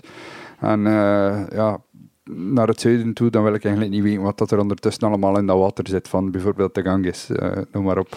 Ja, ik moet nu ook zeggen, zo India en dergelijke, dat zijn regio's die ik nog niet heb bezocht. Mm. reden daarachter is omdat ik uh, ja, in Azië ben begonnen. En dat is voor mij ook zo'n grote regio uh, waarin dat ik nog van alles aan het ontdekken ben. Het is een grote wereld, letterlijk en het is figuurlijk. Heel, ja, ja, ja, nogmaals, het is, het is de tweede meest gedronken drank ter wereld, dus je kunt daar super diep in gaan. Uh, en, en India um, is ook meestal uw massaproductie. Dus dat zijn echt hele grote theeplantages die gewoon gemaakt zijn voor uw blends, voor de grote merken. Dan spreken we echt over hectare, hectare. dat ligt mijn interesse niet. Ja, en dat is ook natuurlijk een beetje historisch zo gegroeid. Ja. Toen dat, de, de Engelsen het, eh, het eh, Indische East- subcontinent ja, voilà. hebben gekoloniseerd, dan is dat een van de dingen die ze daar gedaan hebben. Ehm, en dat, dat brengt ons misschien ook een beetje naar het bruggetje waarvan dat ik zei van eh, de, de massaproductie thee is niet dummy-proof. Mhm. Eh, in die zin dat op het Nederlandse tv-programma Keuringsdienst van Waarde hebben ze zo'n zakjes opengesneden Mhm. en, en even uitgeschud. En dan stelde die vast dat daar witte bolletjes in zitten. Ja, En dan denk je van witte bolletjes, wat doet dat in thee? Thee is niet wit. Dat klopt ook. Eh, wat is er daar gebeurd? Eh, om het echt dummy-proof te maken en consistent, voegen ze er eigenlijk smaakmakers aan toe die verpakt zitten in suikers. Want suiker heeft heel gemakkelijk smaak, versterkt ook de smaak. Suiker is een smaakversterker. Dus eh, combineren ze suikers met een aantal smaakversterkers om consistent diezelfde smaak te hebben. Dus het moet Yes. al zijn dat de, de, de thee die ze krijgen niet dummy-proof is en dus niet consistent genoeg is, dat ze er nog eens smaakversterkers aan gaan moeten toevoegen. ja met dummy proof bedoelde ik eerder over de zetmethode eh, en niet over het productieproces. Oké. Ehm, dus ja, uw productieproces is alles behalve dummy-proof. Ook al eh, van, van ehm, massaproductie tot, tot uw, uw, uw, uw, uw small batch boutique thee. Ehm, voor uw massaproductie, inderdaad, eh, dat, dat is echt zo een beetje mindblowing. Want mensen schakelen vaak over naar thee omdat ze van cola af willen of frisdranken of eh, ze willen naar gezonder. Ehm, en uw eerste stop is altijd uw zakjes thee. hè. Ehm, dat is makkelijk. Daar, eh, daar heb je verschillende smaken in en, en Ja, dergelijke. zoals dat we zeiden, het is niet altijd thee wat dat mensen drinken Nee. ook. Eh rooibos, kamille, noem maar op, dat zijn kruideninfusies. Maar het zit natuurlijk allemaal onder die categorie, Mhm. omdat je hebt een glas warm water, je dunkt er een zakje in, klaar. Ja, en, en dan om, om uw bolletjes te komen, ja, dat is eigenlijk het, de enige tip die ik aan mensen kan geven, is als je in de winkel bent, ehm, draait je eh, verpakking eens om om te kijken wat zit er allemaal in. Ja, dat, dat, dat doen we tegenwoordig met alles eigenlijk. Ehm, is dat daarom een garantie dat als ik losse thee in een theewinkel koop, dat daar daarom niks mee is gebeurd? Nee. Want bijvoorbeeld Earl Grey, hè, dat is eh, een zwarte thee eh, met bergamot. En je hebt daar verschillende manieren van. Maar heel vaak wordt daar synthetische bergamot aan toegevoegd om die smaak te krijgen.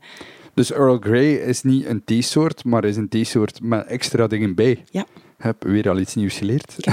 Earl Eh, Grey maar dat is, dat is nogthans een van van, de, van de meest Ja. populaire theesoorten ter wereld, als ik me niet vergis. Ja, je zit, je zit met, met de... Ja, ik, ik, ik noem het dan een theevariant en geen soort. Maar ja, oké. Eh, dat is zoals een English breakfast. Mensen denken, als ze zwarte thee drinken, dan denken ze ja, eerst aan Lipton. En dan denken ze, als ze losgaan naar ehm Earl Grey, je hebt dan Darjeeling bijvoorbeeld ook nog, dat, dat, dat vrij gekend is. Ehm, en dan uw English breakfast. Dat zijn zo ja, de typische smaakcategorieën die we, die we associëren met zwarte thee. Ehm, en dan denken mensen, oké, ik heb hier losse thee gekocht.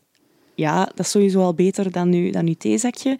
Ehm, is dat per definitie, hebben we dan al de beste kwaliteit? Nee. Eh, want dat kan evengoed ook van een hele grote plantage zijn ehm, die al dan niet pesticides gebruikt. Mhm. En dat brengt me misschien naar een leuke anekdote. Eh, ik was in China en eh, bij een theeboer. En wat deed die man? Die, ehm, als die thee zette, dus dan, dan kun je eerst je, je kopjes verwarmen. Ehm, en dat is een beetje zo de analogie van, je wilt ook niet in een koud bed gaan liggen. Mhm. Dus die verwarmt zijn kopjes, ehm, zodat eigenlijk de thee al zo wat kan, op het gemak kan settelen. Ja. Ehm, en dan doet hij de thee in, in, in zijn, eh, ja, we noemen dat een gaiwan. Dat is eigenlijk een, een theeschenkertje. En daarop doet hij water. En dan zouden we denken van, oké, ja, je schenkt dat dan uit over al die kopjes en dat is je eerste zet of je eerste infusie. Nee, wat deed die man? Die ehm kapte eigenlijk die eerste infusie, kapte die weg. Ehm, En dan sta je te kijken van... eh, wat zijn we hier aan het doen? wa- wa- wat is dat? wa- wa- waarom? Want ik kan me ook voorstellen dat normaal gezien, de eerste keer dat je daar water over doet, Mhm. dat dat de meest intense smaak is. Niet, dat, niet per se, want dat hangt er ook weer af. Eh, zo bijvoorbeeld zo oolong, dat zijn, vaak zijn dat bolletjes, maar niet per se. Hè. Uh, nogmaals, oolong is puur oxidatie. Mhm. Ehm, dus je hebt daar alle soorten vormen en, en maten in. Heel vaak heb je bolletjes, maar die heeft die tijd en warmte en temperatuur nodig om, om los te komen, zeg Mhm. maar. Dus heel vaak bij een oolong, dat, dat dat zo in een bolletje gevormd is, die in eerste is eigenlijk heel licht. Ah, Maar dan als we over groene thee spreken, dat zo ja, wat meer hè, naaldvormig of soms zelfs wat poedervormig kan zijn. Door, door de vorm en, en dingen, ja, die eerste smaak is juist de sterkste en dan gaan we afzakken. Ehm, dus eh, voilà, dat is eigenlijk al, al één groot. dus ja, je stond daar, verschil. die, die, die gooit dat ja, dan die weg. gooit dat dan weg. En ik dacht, huh, oké. En, dan, en dan begonnen we eigenlijk thee te drinken. Eh, en dan is dan het interessante, dan in België denken we altijd, oké, ik heb mijn thee één keer gezet en ik moet nieuwe blaadjes hebben. Ehm, als jij kwalitatief goede losse thee hebt, dan kun je dat echt heel vaak zetten. Mhm. Ehm, er zijn theesoorten die je tot elf keer kunt infuseren. Ehm, er is een theeboer. eh wij waren thee aan het drinken, s'avonds. En eh wij gaan gaan slapen. En s ochtends pakt hem zelf het, juist hetzelfde potje. En we beginnen daarmee te zitten. En dat had nog altijd een hele leuke smaak. Ehm, maar dus die man, die, die kapt dat weg. Hè, we drinken daarvan. eh voilà, oké. Dus ik denk, alright, dat is de manier om thee te zetten. Ik ga naar Taiwan. En eh, ik kom daar bij een theeboer terecht. En eh, dat is daar eigenlijk ook een beetje een eer. Meestal, de theeboer, die ehm, zet het altijd voor u. En op een gegeven moment zei hij tegen mij van, je mag thee voor mij zetten.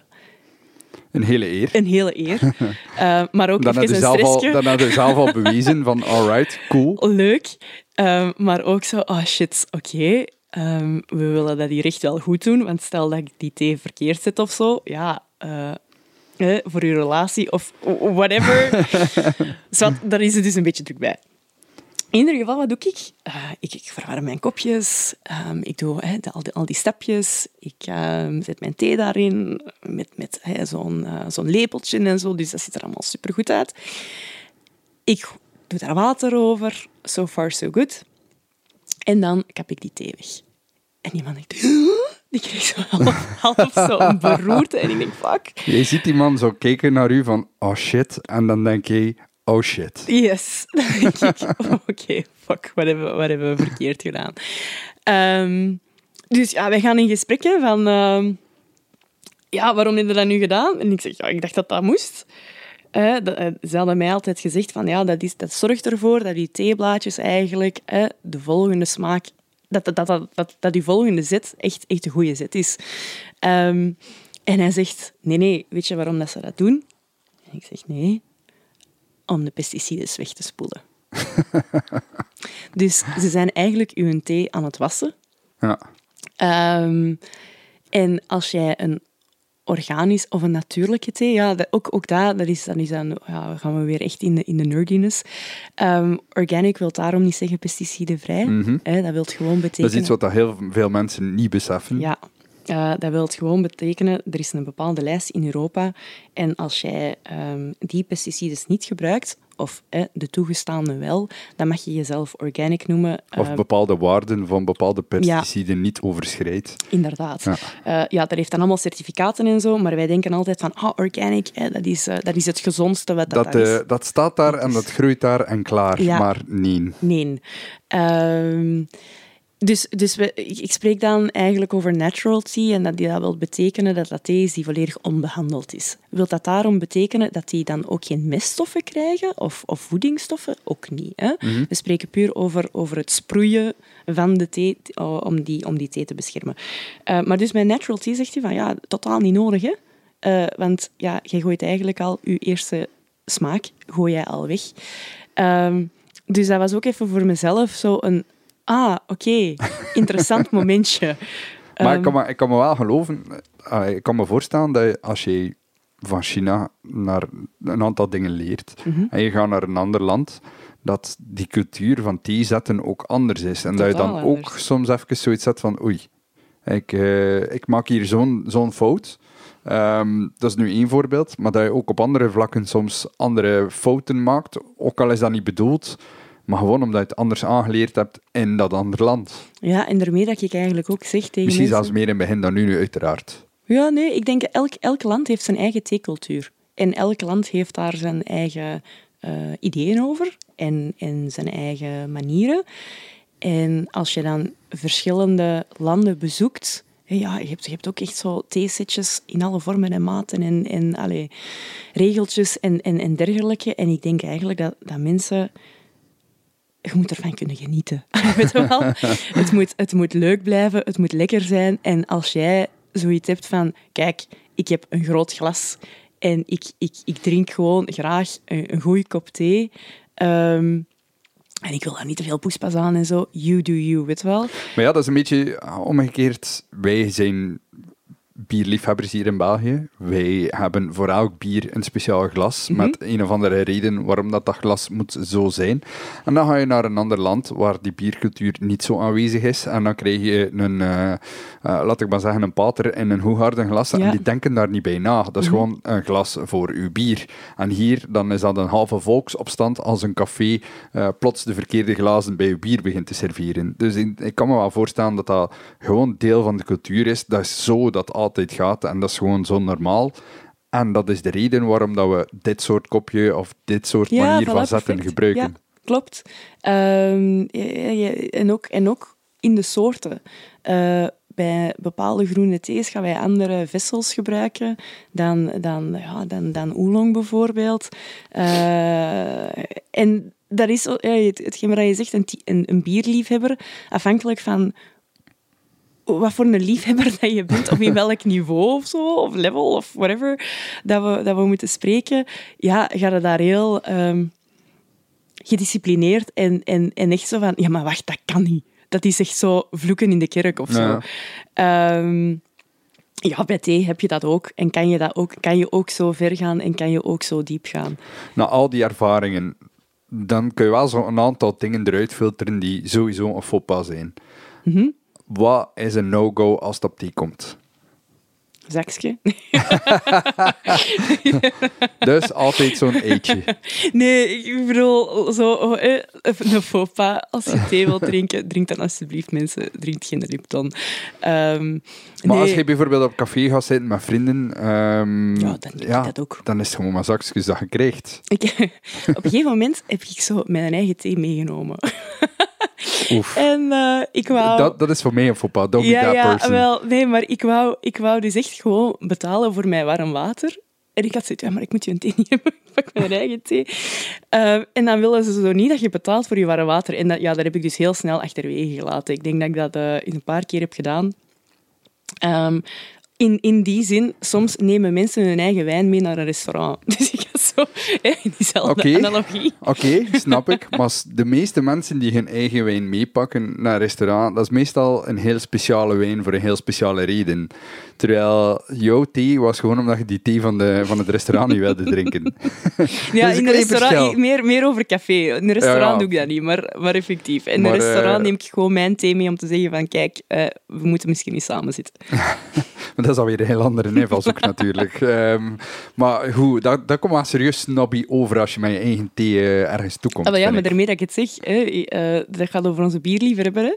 Eh, Maar dan, dan, dan, dan moeten die vrienden wat je mee afgesproken hebt, toch ook zoiets van, Ja, Farah, wat doe je nu? Maar stop dat. St- Stik dat weg. Stik dat weg. Die, nee, vroeger, eigenlijk voordat ik, voordat ik aan, aan, aan thee begon, dan bestelde ik, voor mijn vrienden was het dan zo'n meter bier. En midden van die meter bier stond een blik thee. Dus, dus vandaar. De, de Ehm, groen of de gele? De oranje? Allee, de, De, de gewone. zo de gewone. Ja, ja. Ja, maar ja, dat- een paar jaar geleden is die groen er ook bij gekomen. Ja. eh, dus dus eh, vandaar Nee, nee, dat ik het je vragen. Eh, maar ja, voilà, dat is... Dat is ik weet al niet meer wat, dat- wat dat de oors- oorspronkelijke vraag was, maar ja. Wat is een faux pas? Ah, je de eigen Ja, meepakken. dat is, meepakken is dat is duidelijk een een faux pas. Wat is nog een faux pas? Ehm, ik vind dat moeilijk, want eigenlijk, nogmaals, ik ben er echt van overtuigd eh, dat mensen moeten gewoon kunnen genieten van hetgeen wat ze drinken. En als dat voor die mensen goed is en lekker is, dan prima. En als je een bepaalde nieuwsgierigheid hebt, dan gaat het sowieso wel meer ontdekken. Ehm, Ik denk dat het internet natuurlijk ook altijd heel, ehm, een heel goede bron is voor mensen die de rabbit hole in willen gaan. ja, Meer en meer mensen vinden elkaar op apps zoals Instagram, zoals Threads, zoals eh, Facebook, noem maar op, wat dat er groepen zijn van mensen die een passie delen. Ja, en daar vind je ook heel snel bepaalde informatie terug. Eh, en er is ook nog altijd die wet van het internet. Als je iets verkeerd tipt, dan gaat er heel snel iemand in de comments u corrigeren. Dus daar kun je ook heel veel van leren. ja, maar dat vind ik eigenlijk ook een beetje een, een misvatting. Want het is niet omdat het op het internet is Dat het juist is. Juist is. Ja, ja, klopt. En- Maar het is wel natuurlijk een, een goede start om daar te beginnen. Ja, Maar ik denk dat dat ook, ja, zo met thee, dat er veel misinformatie Mhm. is. Ehm, en ook inderdaad, als we dan spreken over faux pas. Ja, faux pas, goh, het hangt er maar een beetje vanaf in welke cultuur dat je zit. Hè. In Japan, als wij naar een traditionele theeceremonie gaan... Amai, ik was, eh, wanneer was ik daar? In oktober. En dan heb ik ehm, het Toen dat, toen dat eindelijk weer open was, eh bijna. Nee, nee, nee, dit- jaar ook. Allee, Ah, ja. Vorig jaar oktober. Dus eh, ik ben inderdaad ook als, eer- als een van de eerste, eh, toen dat het open... Allee, ik wil niet zeggen van de wereld, maar ik wil bedoelen... ehm, dat als de grenzen open gingen, dan heb ik mijn ticket geboekt en ik stond er meteen. En eh, dat hebben de theeboeren wel enorm geapprecieerd. Eh, maar dat, is, dat was een andere ervaring en een ander verhaal. Maar mijn laatste... Nee, dat was niet mijn laatste reis. Maar in oktober ben ik dus nog geweest. Ehm, en dan heb ik zo eh, het geluk gehad om een theeles bij te wonen. Ehm, maar echt een traditionele. Dus dat was een, een, Japanse, een Japanner die les gaf aan studenten. Die dan eigenlijk ehm ja, tea-ceremonies wouden geven. Ehm, dus had daar vier studenten in kimono en al. En allee, supermooie setting. En dat ging er hard aan toe, man. Dat was niet normaal. Dat is zin? elke beweging die je maakt, heeft een betekenis. En elke beweging die je maakt, moet op een bepaalde manier zijn. Dus uw schouder moet op een bepaalde manier staan. Uw hand, uw dinges. Uw, uw ehm, serviet of allee, eh, uw doekje moet op een bepaald manier, bepaalde manier gevouwen worden. In zoveel handelingen. Niet ene meer, niet ene minder. Ehm, waanzin.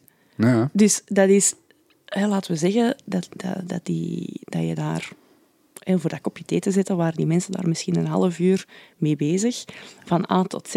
Ja, el- elke stap die je zet, dat is zoals een dans eigenlijk, ehm, had, een bepaalde, ja, had een bepaalde betekenis. En, je werd, en die mensen werden daar ook heel hard op afgestraft.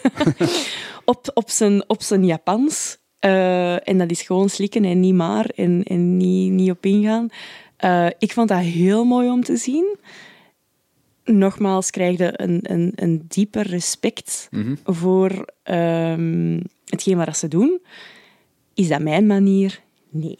Ja, dat kan ik ook wel geloven. Maar dat is natuurlijk... Japan is ook een cultuur die daarvoor gekend is. Eh, toen dat, toen dat ehm, Nick van Zuru Zuru hier zat, eh, dan hadden we het ook daarover. Sushi moet ook in zeven handelingen geduwd worden in de juiste vorm, noem maar op. Het moet altijd zo, het kan niet anders. Ehm, als, je, als je die film gezien hebt, ooit Hero Dreams of Sushi, ja, dat is ook zo. Die, die, die man is in de tachtig, zijn zoon is eind jaren 50 en mag nog altijd niets doen omdat Ja. hij niet goed genoeg is van, volgens zijn vader. Ja, dat, het is zo ingebakken in die cultuur om één iets te doen, maar dan altijd zo goed en altijd op die manier. En vandaag was het niet goed genoeg, dus morgen gaat het gewoon nog beter zijn. Ja, die doen zo'n deep dive op dat ene iets. Dat is, dat, dat is zo zot om te zien. Ehm, ik denk dat dat ook de reden is waarom dat die kerels dat met die hamer zo snel kunnen, zonder elkaars vingers er eh, kapot te slaan. maar goed, eh, in andere landen is dat dan niet zo. Is dat een heel andere manier van, van, van werken.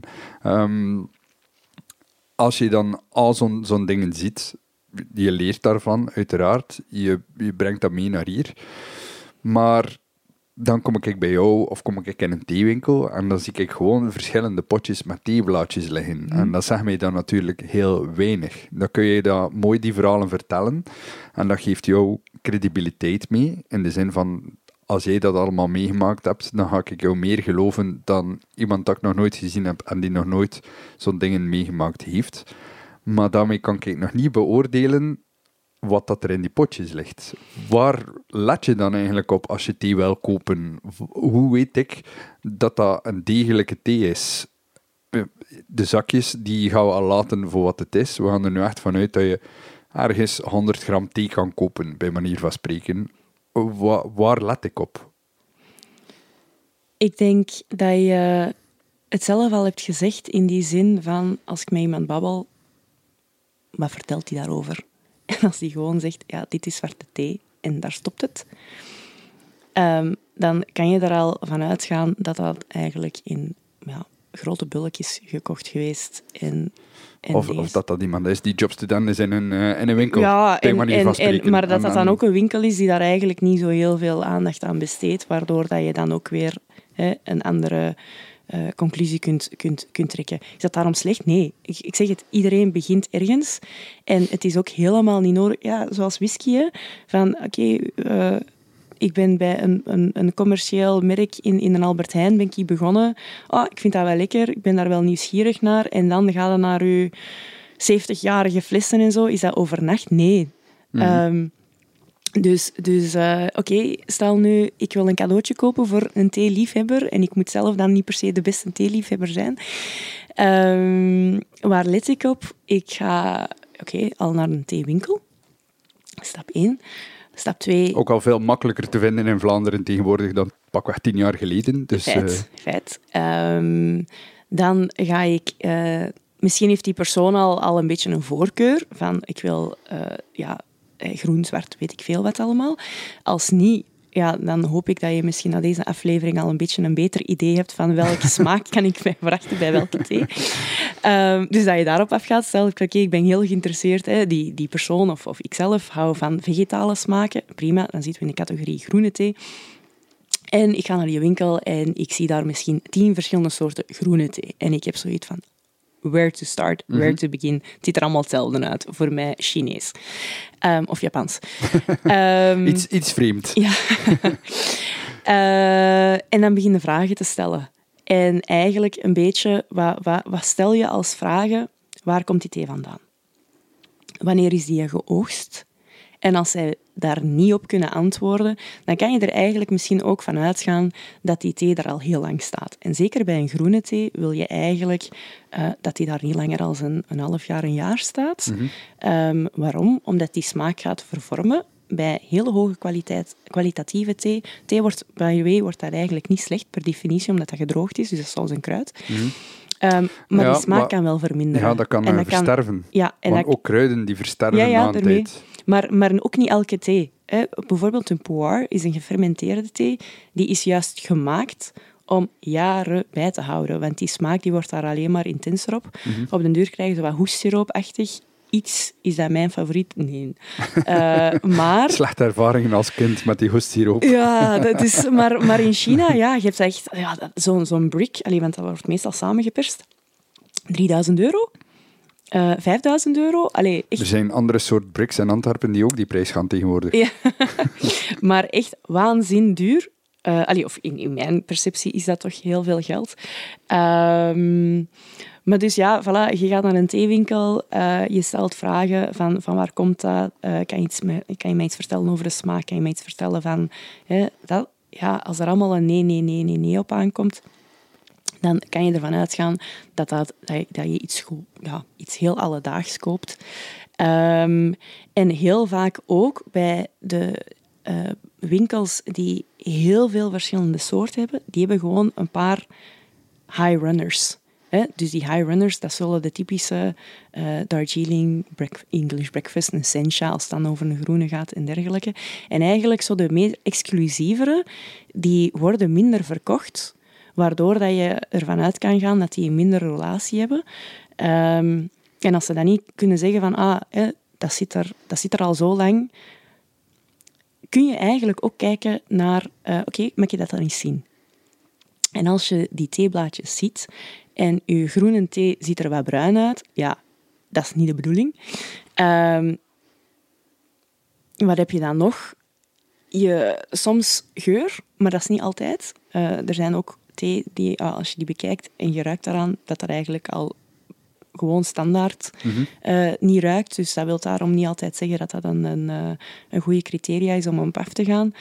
Eh, maar ik zou zeggen, stel jezelf wat vragen. En nogmaals, duurder is daarom niet altijd beter. Mhm.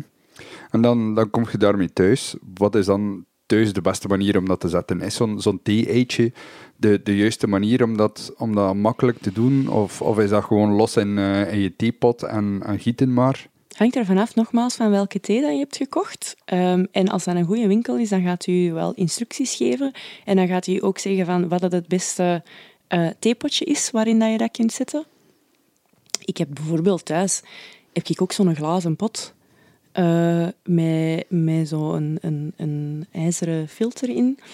Uh, theeblaadjes per definitie hebben eigenlijk ruimte nodig om zich te kunnen ontplooien. Als dat allemaal samen gedrukt is, ja, dan kun je je voorstellen dat die smaak niet volledig loslaat.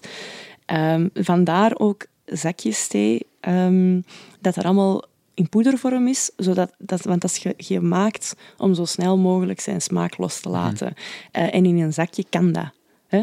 Dat, heeft geen dat heeft geen plaats nodig, want dat is al puur. Mm. Um, dus hebben wij thee gekocht um, in, in bolletjesvorm bijvoorbeeld. En je propt heel je eitje vol. Ja, dat heeft geen ruimte.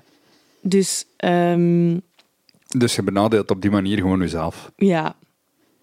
En eigenlijk heb je dan misschien te veel thee gebruikt voor de ruimte die je hebt. Um, daarmee wil ik bedoelen, stel dat jij een eitje hebt, ja, zo'n eitje, ja, dat is effectief de grootte van een eitje. Je hebt ook zo van die grote eitjes, maar hè, gewoon eier, eiervorm. Struisvogel eiers. eiervorm eitjes. Um, dan dan uh, doet daar een theelepel thee in, van, van, van een groene thee. Um, dus dat is niet eens half vol. Dan heeft dat zeker voldoende ruimte. Um, hoeveel water doen we daar dan bij? Dat hangt een beetje af van het receptuur. Um, maar meestal zo gangbaar. Hè? Doe ik 2 gram, 250 milliliter water. Ik laat dat twee minuten trekken. Is dat, is ongeveer de verhouding dat je voor alle thee kan gebruiken? Of zijn er daar ook groene thee meer water, uh, uh, zwarte thee minder water? Of, of, of ja, en, en ook wat is 2 gram? Hè? Uh, want niet iedereen heeft zo een, een, een weegschaaltje dat, uh, dat op, op, die, op die frequentie... Allee, op, op, op, ja, die, die zo fijn uh, werkt. Sommige ja, werken, voilà. werken per vijf, vijf gram. Ja. Maar um, ergens in een interview met jou staat er ook dat jij voornamelijk thuis op je gevoel werkt. Ja. Dat je uh, allang niet meer zelf afweegt. Dat is een feit. Um, ik was uh, bij een theeboer en daar was een, een pottery maker. En wij hebben dat is dan wel leuk, hè, want dan, dan ontmoeten echt zo mensen, zo peers, echt zo. Dan, dan ontmoeten je een bierliefhebber die ook echt zo wow, volledig in de bier gaat. Um, en, en dat is heel fijn, want omdat hij um, benadert voor zijn beroep, zijnde ik wil de juiste vessels kunnen maken, um, dan gaat hij naar klei kijken en welke soorten klei en dergelijke. dan waren wij bezig over het zetten van thee en uh, ik vond dat een heel mooi, uh, mooi beeldspraak. Dat als iemand thee voor jou zet, dan kun je hun hart proeven. Dus je zet eigenlijk thee uh, in de moed waarin dat je bent. En dan om misschien terug te komen op je faux pas, zet geen thee als je kei gestresseerd bent en als je geen tijd hebt. Weet je? Dat, is, dat is wel ironisch dat veel mensen dan thee drinken om te kalmeren. Ja, maar in uw handeling. Ga even zitten. Zet u even, pak, pak die dingetjes um, en, en maak daar een... Allee, ja, wie ben ik om, om te zeggen wat je al dan niet moet doen, maar uh, je gaat misschien sneller tot rust komen als je daar een, een, een bewust moment van maakt. En um, daar probeer ik heel vaak aan te denken, waardoor dat ik eigenlijk inderdaad, je begint thee op je gevoel te zetten. En het leuke is ook, um, je, eigen smaak, of mijn smaak, laat ik me voor mezelf spreken, is niet altijd elke dag hetzelfde. Dus soms heb ik een groene thee al eens wat sterker dan een andere dag. Hmm. En dan vind ik het eigenlijk jammer dat ik mij zo halstarrig zou moeten vasthouden aan links-rechts Allee, Ja, maar dat is ook de reden waarom dat er hier een verzameling van flessen staat. Dat is nu geen thee ehm, of, of, een, eh, of een infusie. Maar soms heb je gewoon zin in iets, in iets vegetaals, soms heb je zin in iets floraals, soms heb je zin in iets, iets met veel punch, heel Ja. krachtig. Soms je iets heel smooth, heel zacht. Ja, dat is met alles zo, eh, Ja. denk ik. Eh, als ik koffieliefhebbers hoor, dan is dat ook zo. Dan, dan hebben die ook graag die, die, die variëteit. Eh, Ja. Wijndrinkers net hetzelfde. Bierdrinkers, die drinken ook niet elke dag een trappist of elke dag geuze. Die, die hebben variatie afhankelijk van de mood waarin dat ze zijn. Ja, dus laten we zeggen, stel jij en ik, wij drinken dezelfde zwarte thee. Hè? Dus ik geef jou theeblaadjes. Eh het is allemaal hetzelfde gewicht, hetzelfde grammage. Ehm, dan kunnen wij ernaar streven om exact identiek dezelfde thee te zetten. Ehm, ik zeg het voor bijvoorbeeld koffiezaken en restaurants, is dat wel de bedoeling dat iedereen eh, de gelijke eh, smaakervaring krijgt. Dus vandaar de receptuur. Maar als ik jullie dat laten doen, dan kan dat heel goed zijn dat je zoiets hebt van ja, ik vind dat toch wel lekkerder als ik daar drie gram mee bij doe en ik laat dat drie minuten trekken. Ehm, want dan krijg ik bepaalde aroma's meer naar boven. Ehm, dan dat ik bijvoorbeeld zeg van, oh ja, ik vind dat lichter wel lekkerder. Dus dat is altijd een richtlijn, hetgeen wat je op je pakketje ziet. En afhankelijk van daarvan gaat ermee aan de slag. En as long as you like it, nogmaals, dat is het belangrijkste. Oké, dan nog één laatste vraag over thee. Melk in de thee. Yes or no? Nee. Oh, maar dat is zo grappig, want ik heb, ik heb, eh, vroeger heb ik les gegeven aan de KDG. Ehm, en, eh, Dat is eh, de Karel de, de Grote ja, ja, Hogeschool. sorry, de Karel de Grote Hogeschool in Antwerpen. Ja. Eh, was een hele fijne tijd. Ik heb daar hele leuke collega's leren kennen. En een van die collega's is, is, is een Brit. Ehm woont ondertussen, ik, woont ondertussen heel, heel lang in, in België. Ehm, maar die heeft dus effectief zijn, zijn zakje thee ehm, van een bepaald merk, een bepaald Engels merk. En die doet daar zijn suiker en zijn melk bij. En die vindt dat dat max. En dat is hetgeen wat hij drinkt. En ik heb gezegd van, oh. Maar ja, nogmaals, if it makes him happy, en dat is zijn moment, pff, go for it. Maar persoonlijk, nee. Ehm, wat dat je dus wel hebt, is, eh, dat is ook interessant, je hebt bepaalde theesoorten. Ehm Milky Oolong bijvoorbeeld. Ehm, maar ja, dat is dan weer grappig, want tegenwoordig, omdat dat zo gecommercialiseerd is, eh, voegen ze daar melk aan toe. Hè, zoals met je, je bolletjes. Ehm, wordt daar dus ook melk aan toegevoegd, zodat dat zo wat milkier en creamier eh, proeft. Maar de Milky Oolong ehm, kan ook naar melk smaken. Eh, waardoor dat ik eigenlijk ja, meer ga voor, zo, als ik dan toch zoiets milky wil, naar dat soort zaken. Dus nee, ik ga ook nooit geen suiker toevoegen aan mijn thee. Wil ik een zoete thee, dan ga ik voor een zoete variant kiezen. Ja. Stel dat je iced tea wil maken, Ja, welke thee zou je daarvoor gebruiken? afhankelijk van welke soort icing dat je wilt maken. dus dat is, je kunt aan zich eh, alle soorten thee gebruiken voor je iced tea. Eh, het is maar gewoon te zien wat wil je als basis. Ehm, dus ik heb daar geen one, allee, één antwoord op. Ja, we gaan nu even de cirkel rondmaken. Ja. We zijn begonnen met het praten over je broer. Mhm. Ik denk dan dat jullie ook al eens gepraat hebben over thee en cocktails. Ja, grappig genoeg eigenlijk nog niet. Misschien is dat op de to-do voor 2024. dat, is, eh, dat is inderdaad wel straf, maar eh, ergens zou het mij verwonderen dat hij nog niet nagedacht heeft over theegebruik in cocktails. Eh, Waarschijnlijk wel, maar dan ga je aan hem moeten vragen. Ehm, nee, ik, ik, ik, ik werk wel ook met, met Bart samen. Mhm. Ehm, die mij ook benaderen voor eh, de thee. Eh, een voorbeeld daarvan is Tazo in, eh, in Antwerpen. in Antwerpen, ja. Ehm, die, die zijn meer Japonisch gericht ook.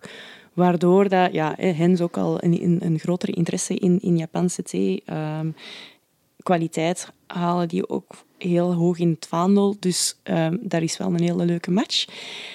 En, En dan, ehm, dan, dan daar ook, net zoals voor je, voor je iced tea, is dat eigenlijk gewoon beginnen met thee maken, laten afkoelen en dan pas gaan verwerken. Nee. Nee? Eh, dat is een faux pas. Om nog eens over onze faux pas te spreken. Er zit Eh. meer faux pas in dan dat ik dacht. Als we iced tea willen maken, alsjeblieft mensen, doe geen Eh, je zet je thee niet warm, laat het dan afkoelen en zet er dan, en dan al je kruiden en zo erbij. Uh, infuseert koud. En uh, pakt bijvoorbeeld een liter water, 10 gram thee en zet dat 6 uur in de koelkast. en eventueel met, met je kruiden en, en, en dergelijke er al bij. Waarom? Omdat je theeblad dan eigenlijk veel meer tijd heeft om zijn goede eigenschappen los te laten en niet zijn bitters. Ja. Uh, en dan zeker ook ja, uh, het chemische verhaal kan ik niet helemaal, uh, of daar ben ik niet helemaal mee mee. maar, maar ook nadien, ja, heel vaak met, met de iced teas, waarin dat ze het, het warm zetten en zo, en er zit er allemaal warm erbij, ja, die gaan zo wat franks maken. Mm -hmm.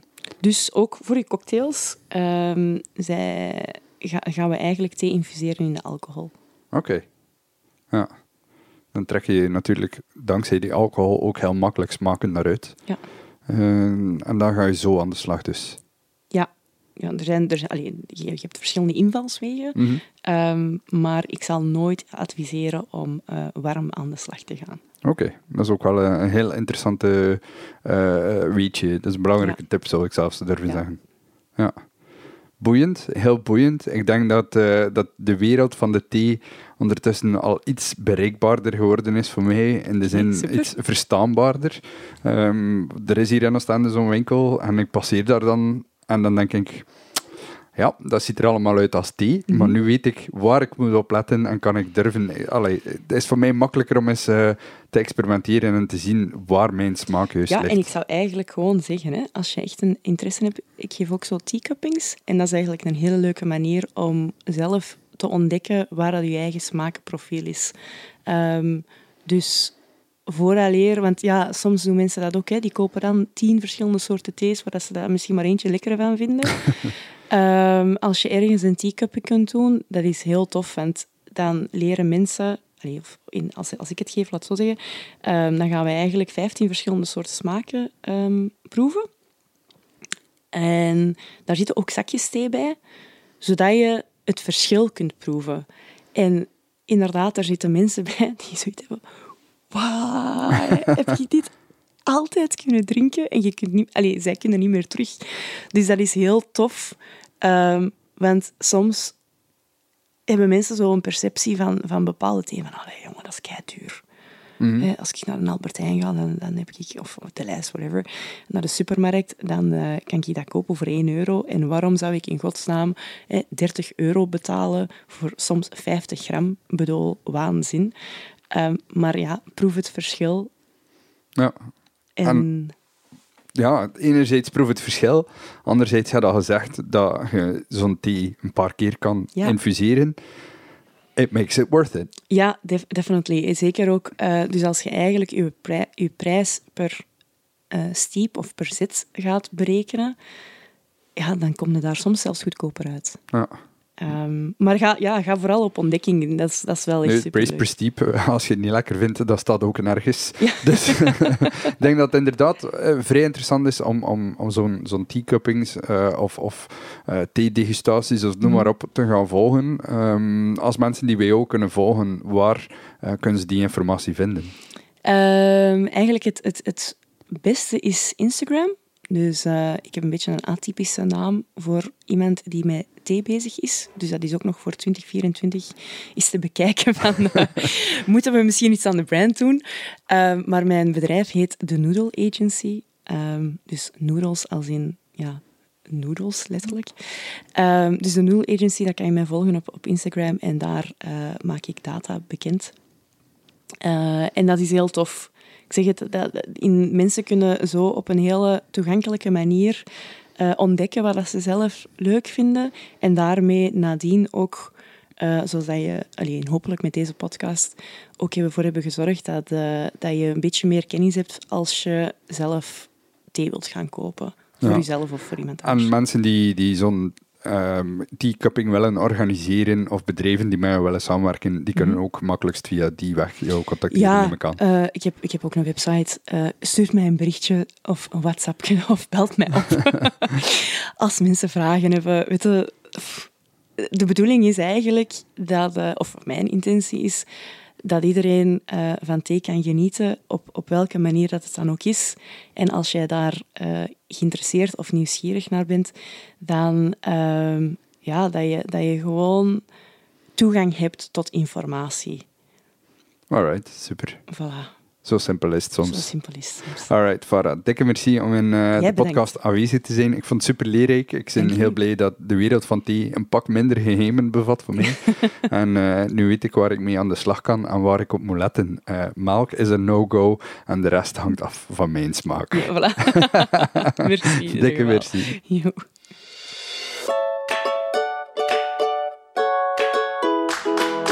Bedankt om te luisteren naar Overeten. Vond je het een leuke aflevering? Deel deze podcast dan zeker met andere foodies. Tag me gerust op Facebook of Instagram via @overetenpodcast. Honger naar meer? Dat is mijn maandelijkse nieuwsbrief vol eet, drink en luisterplezier.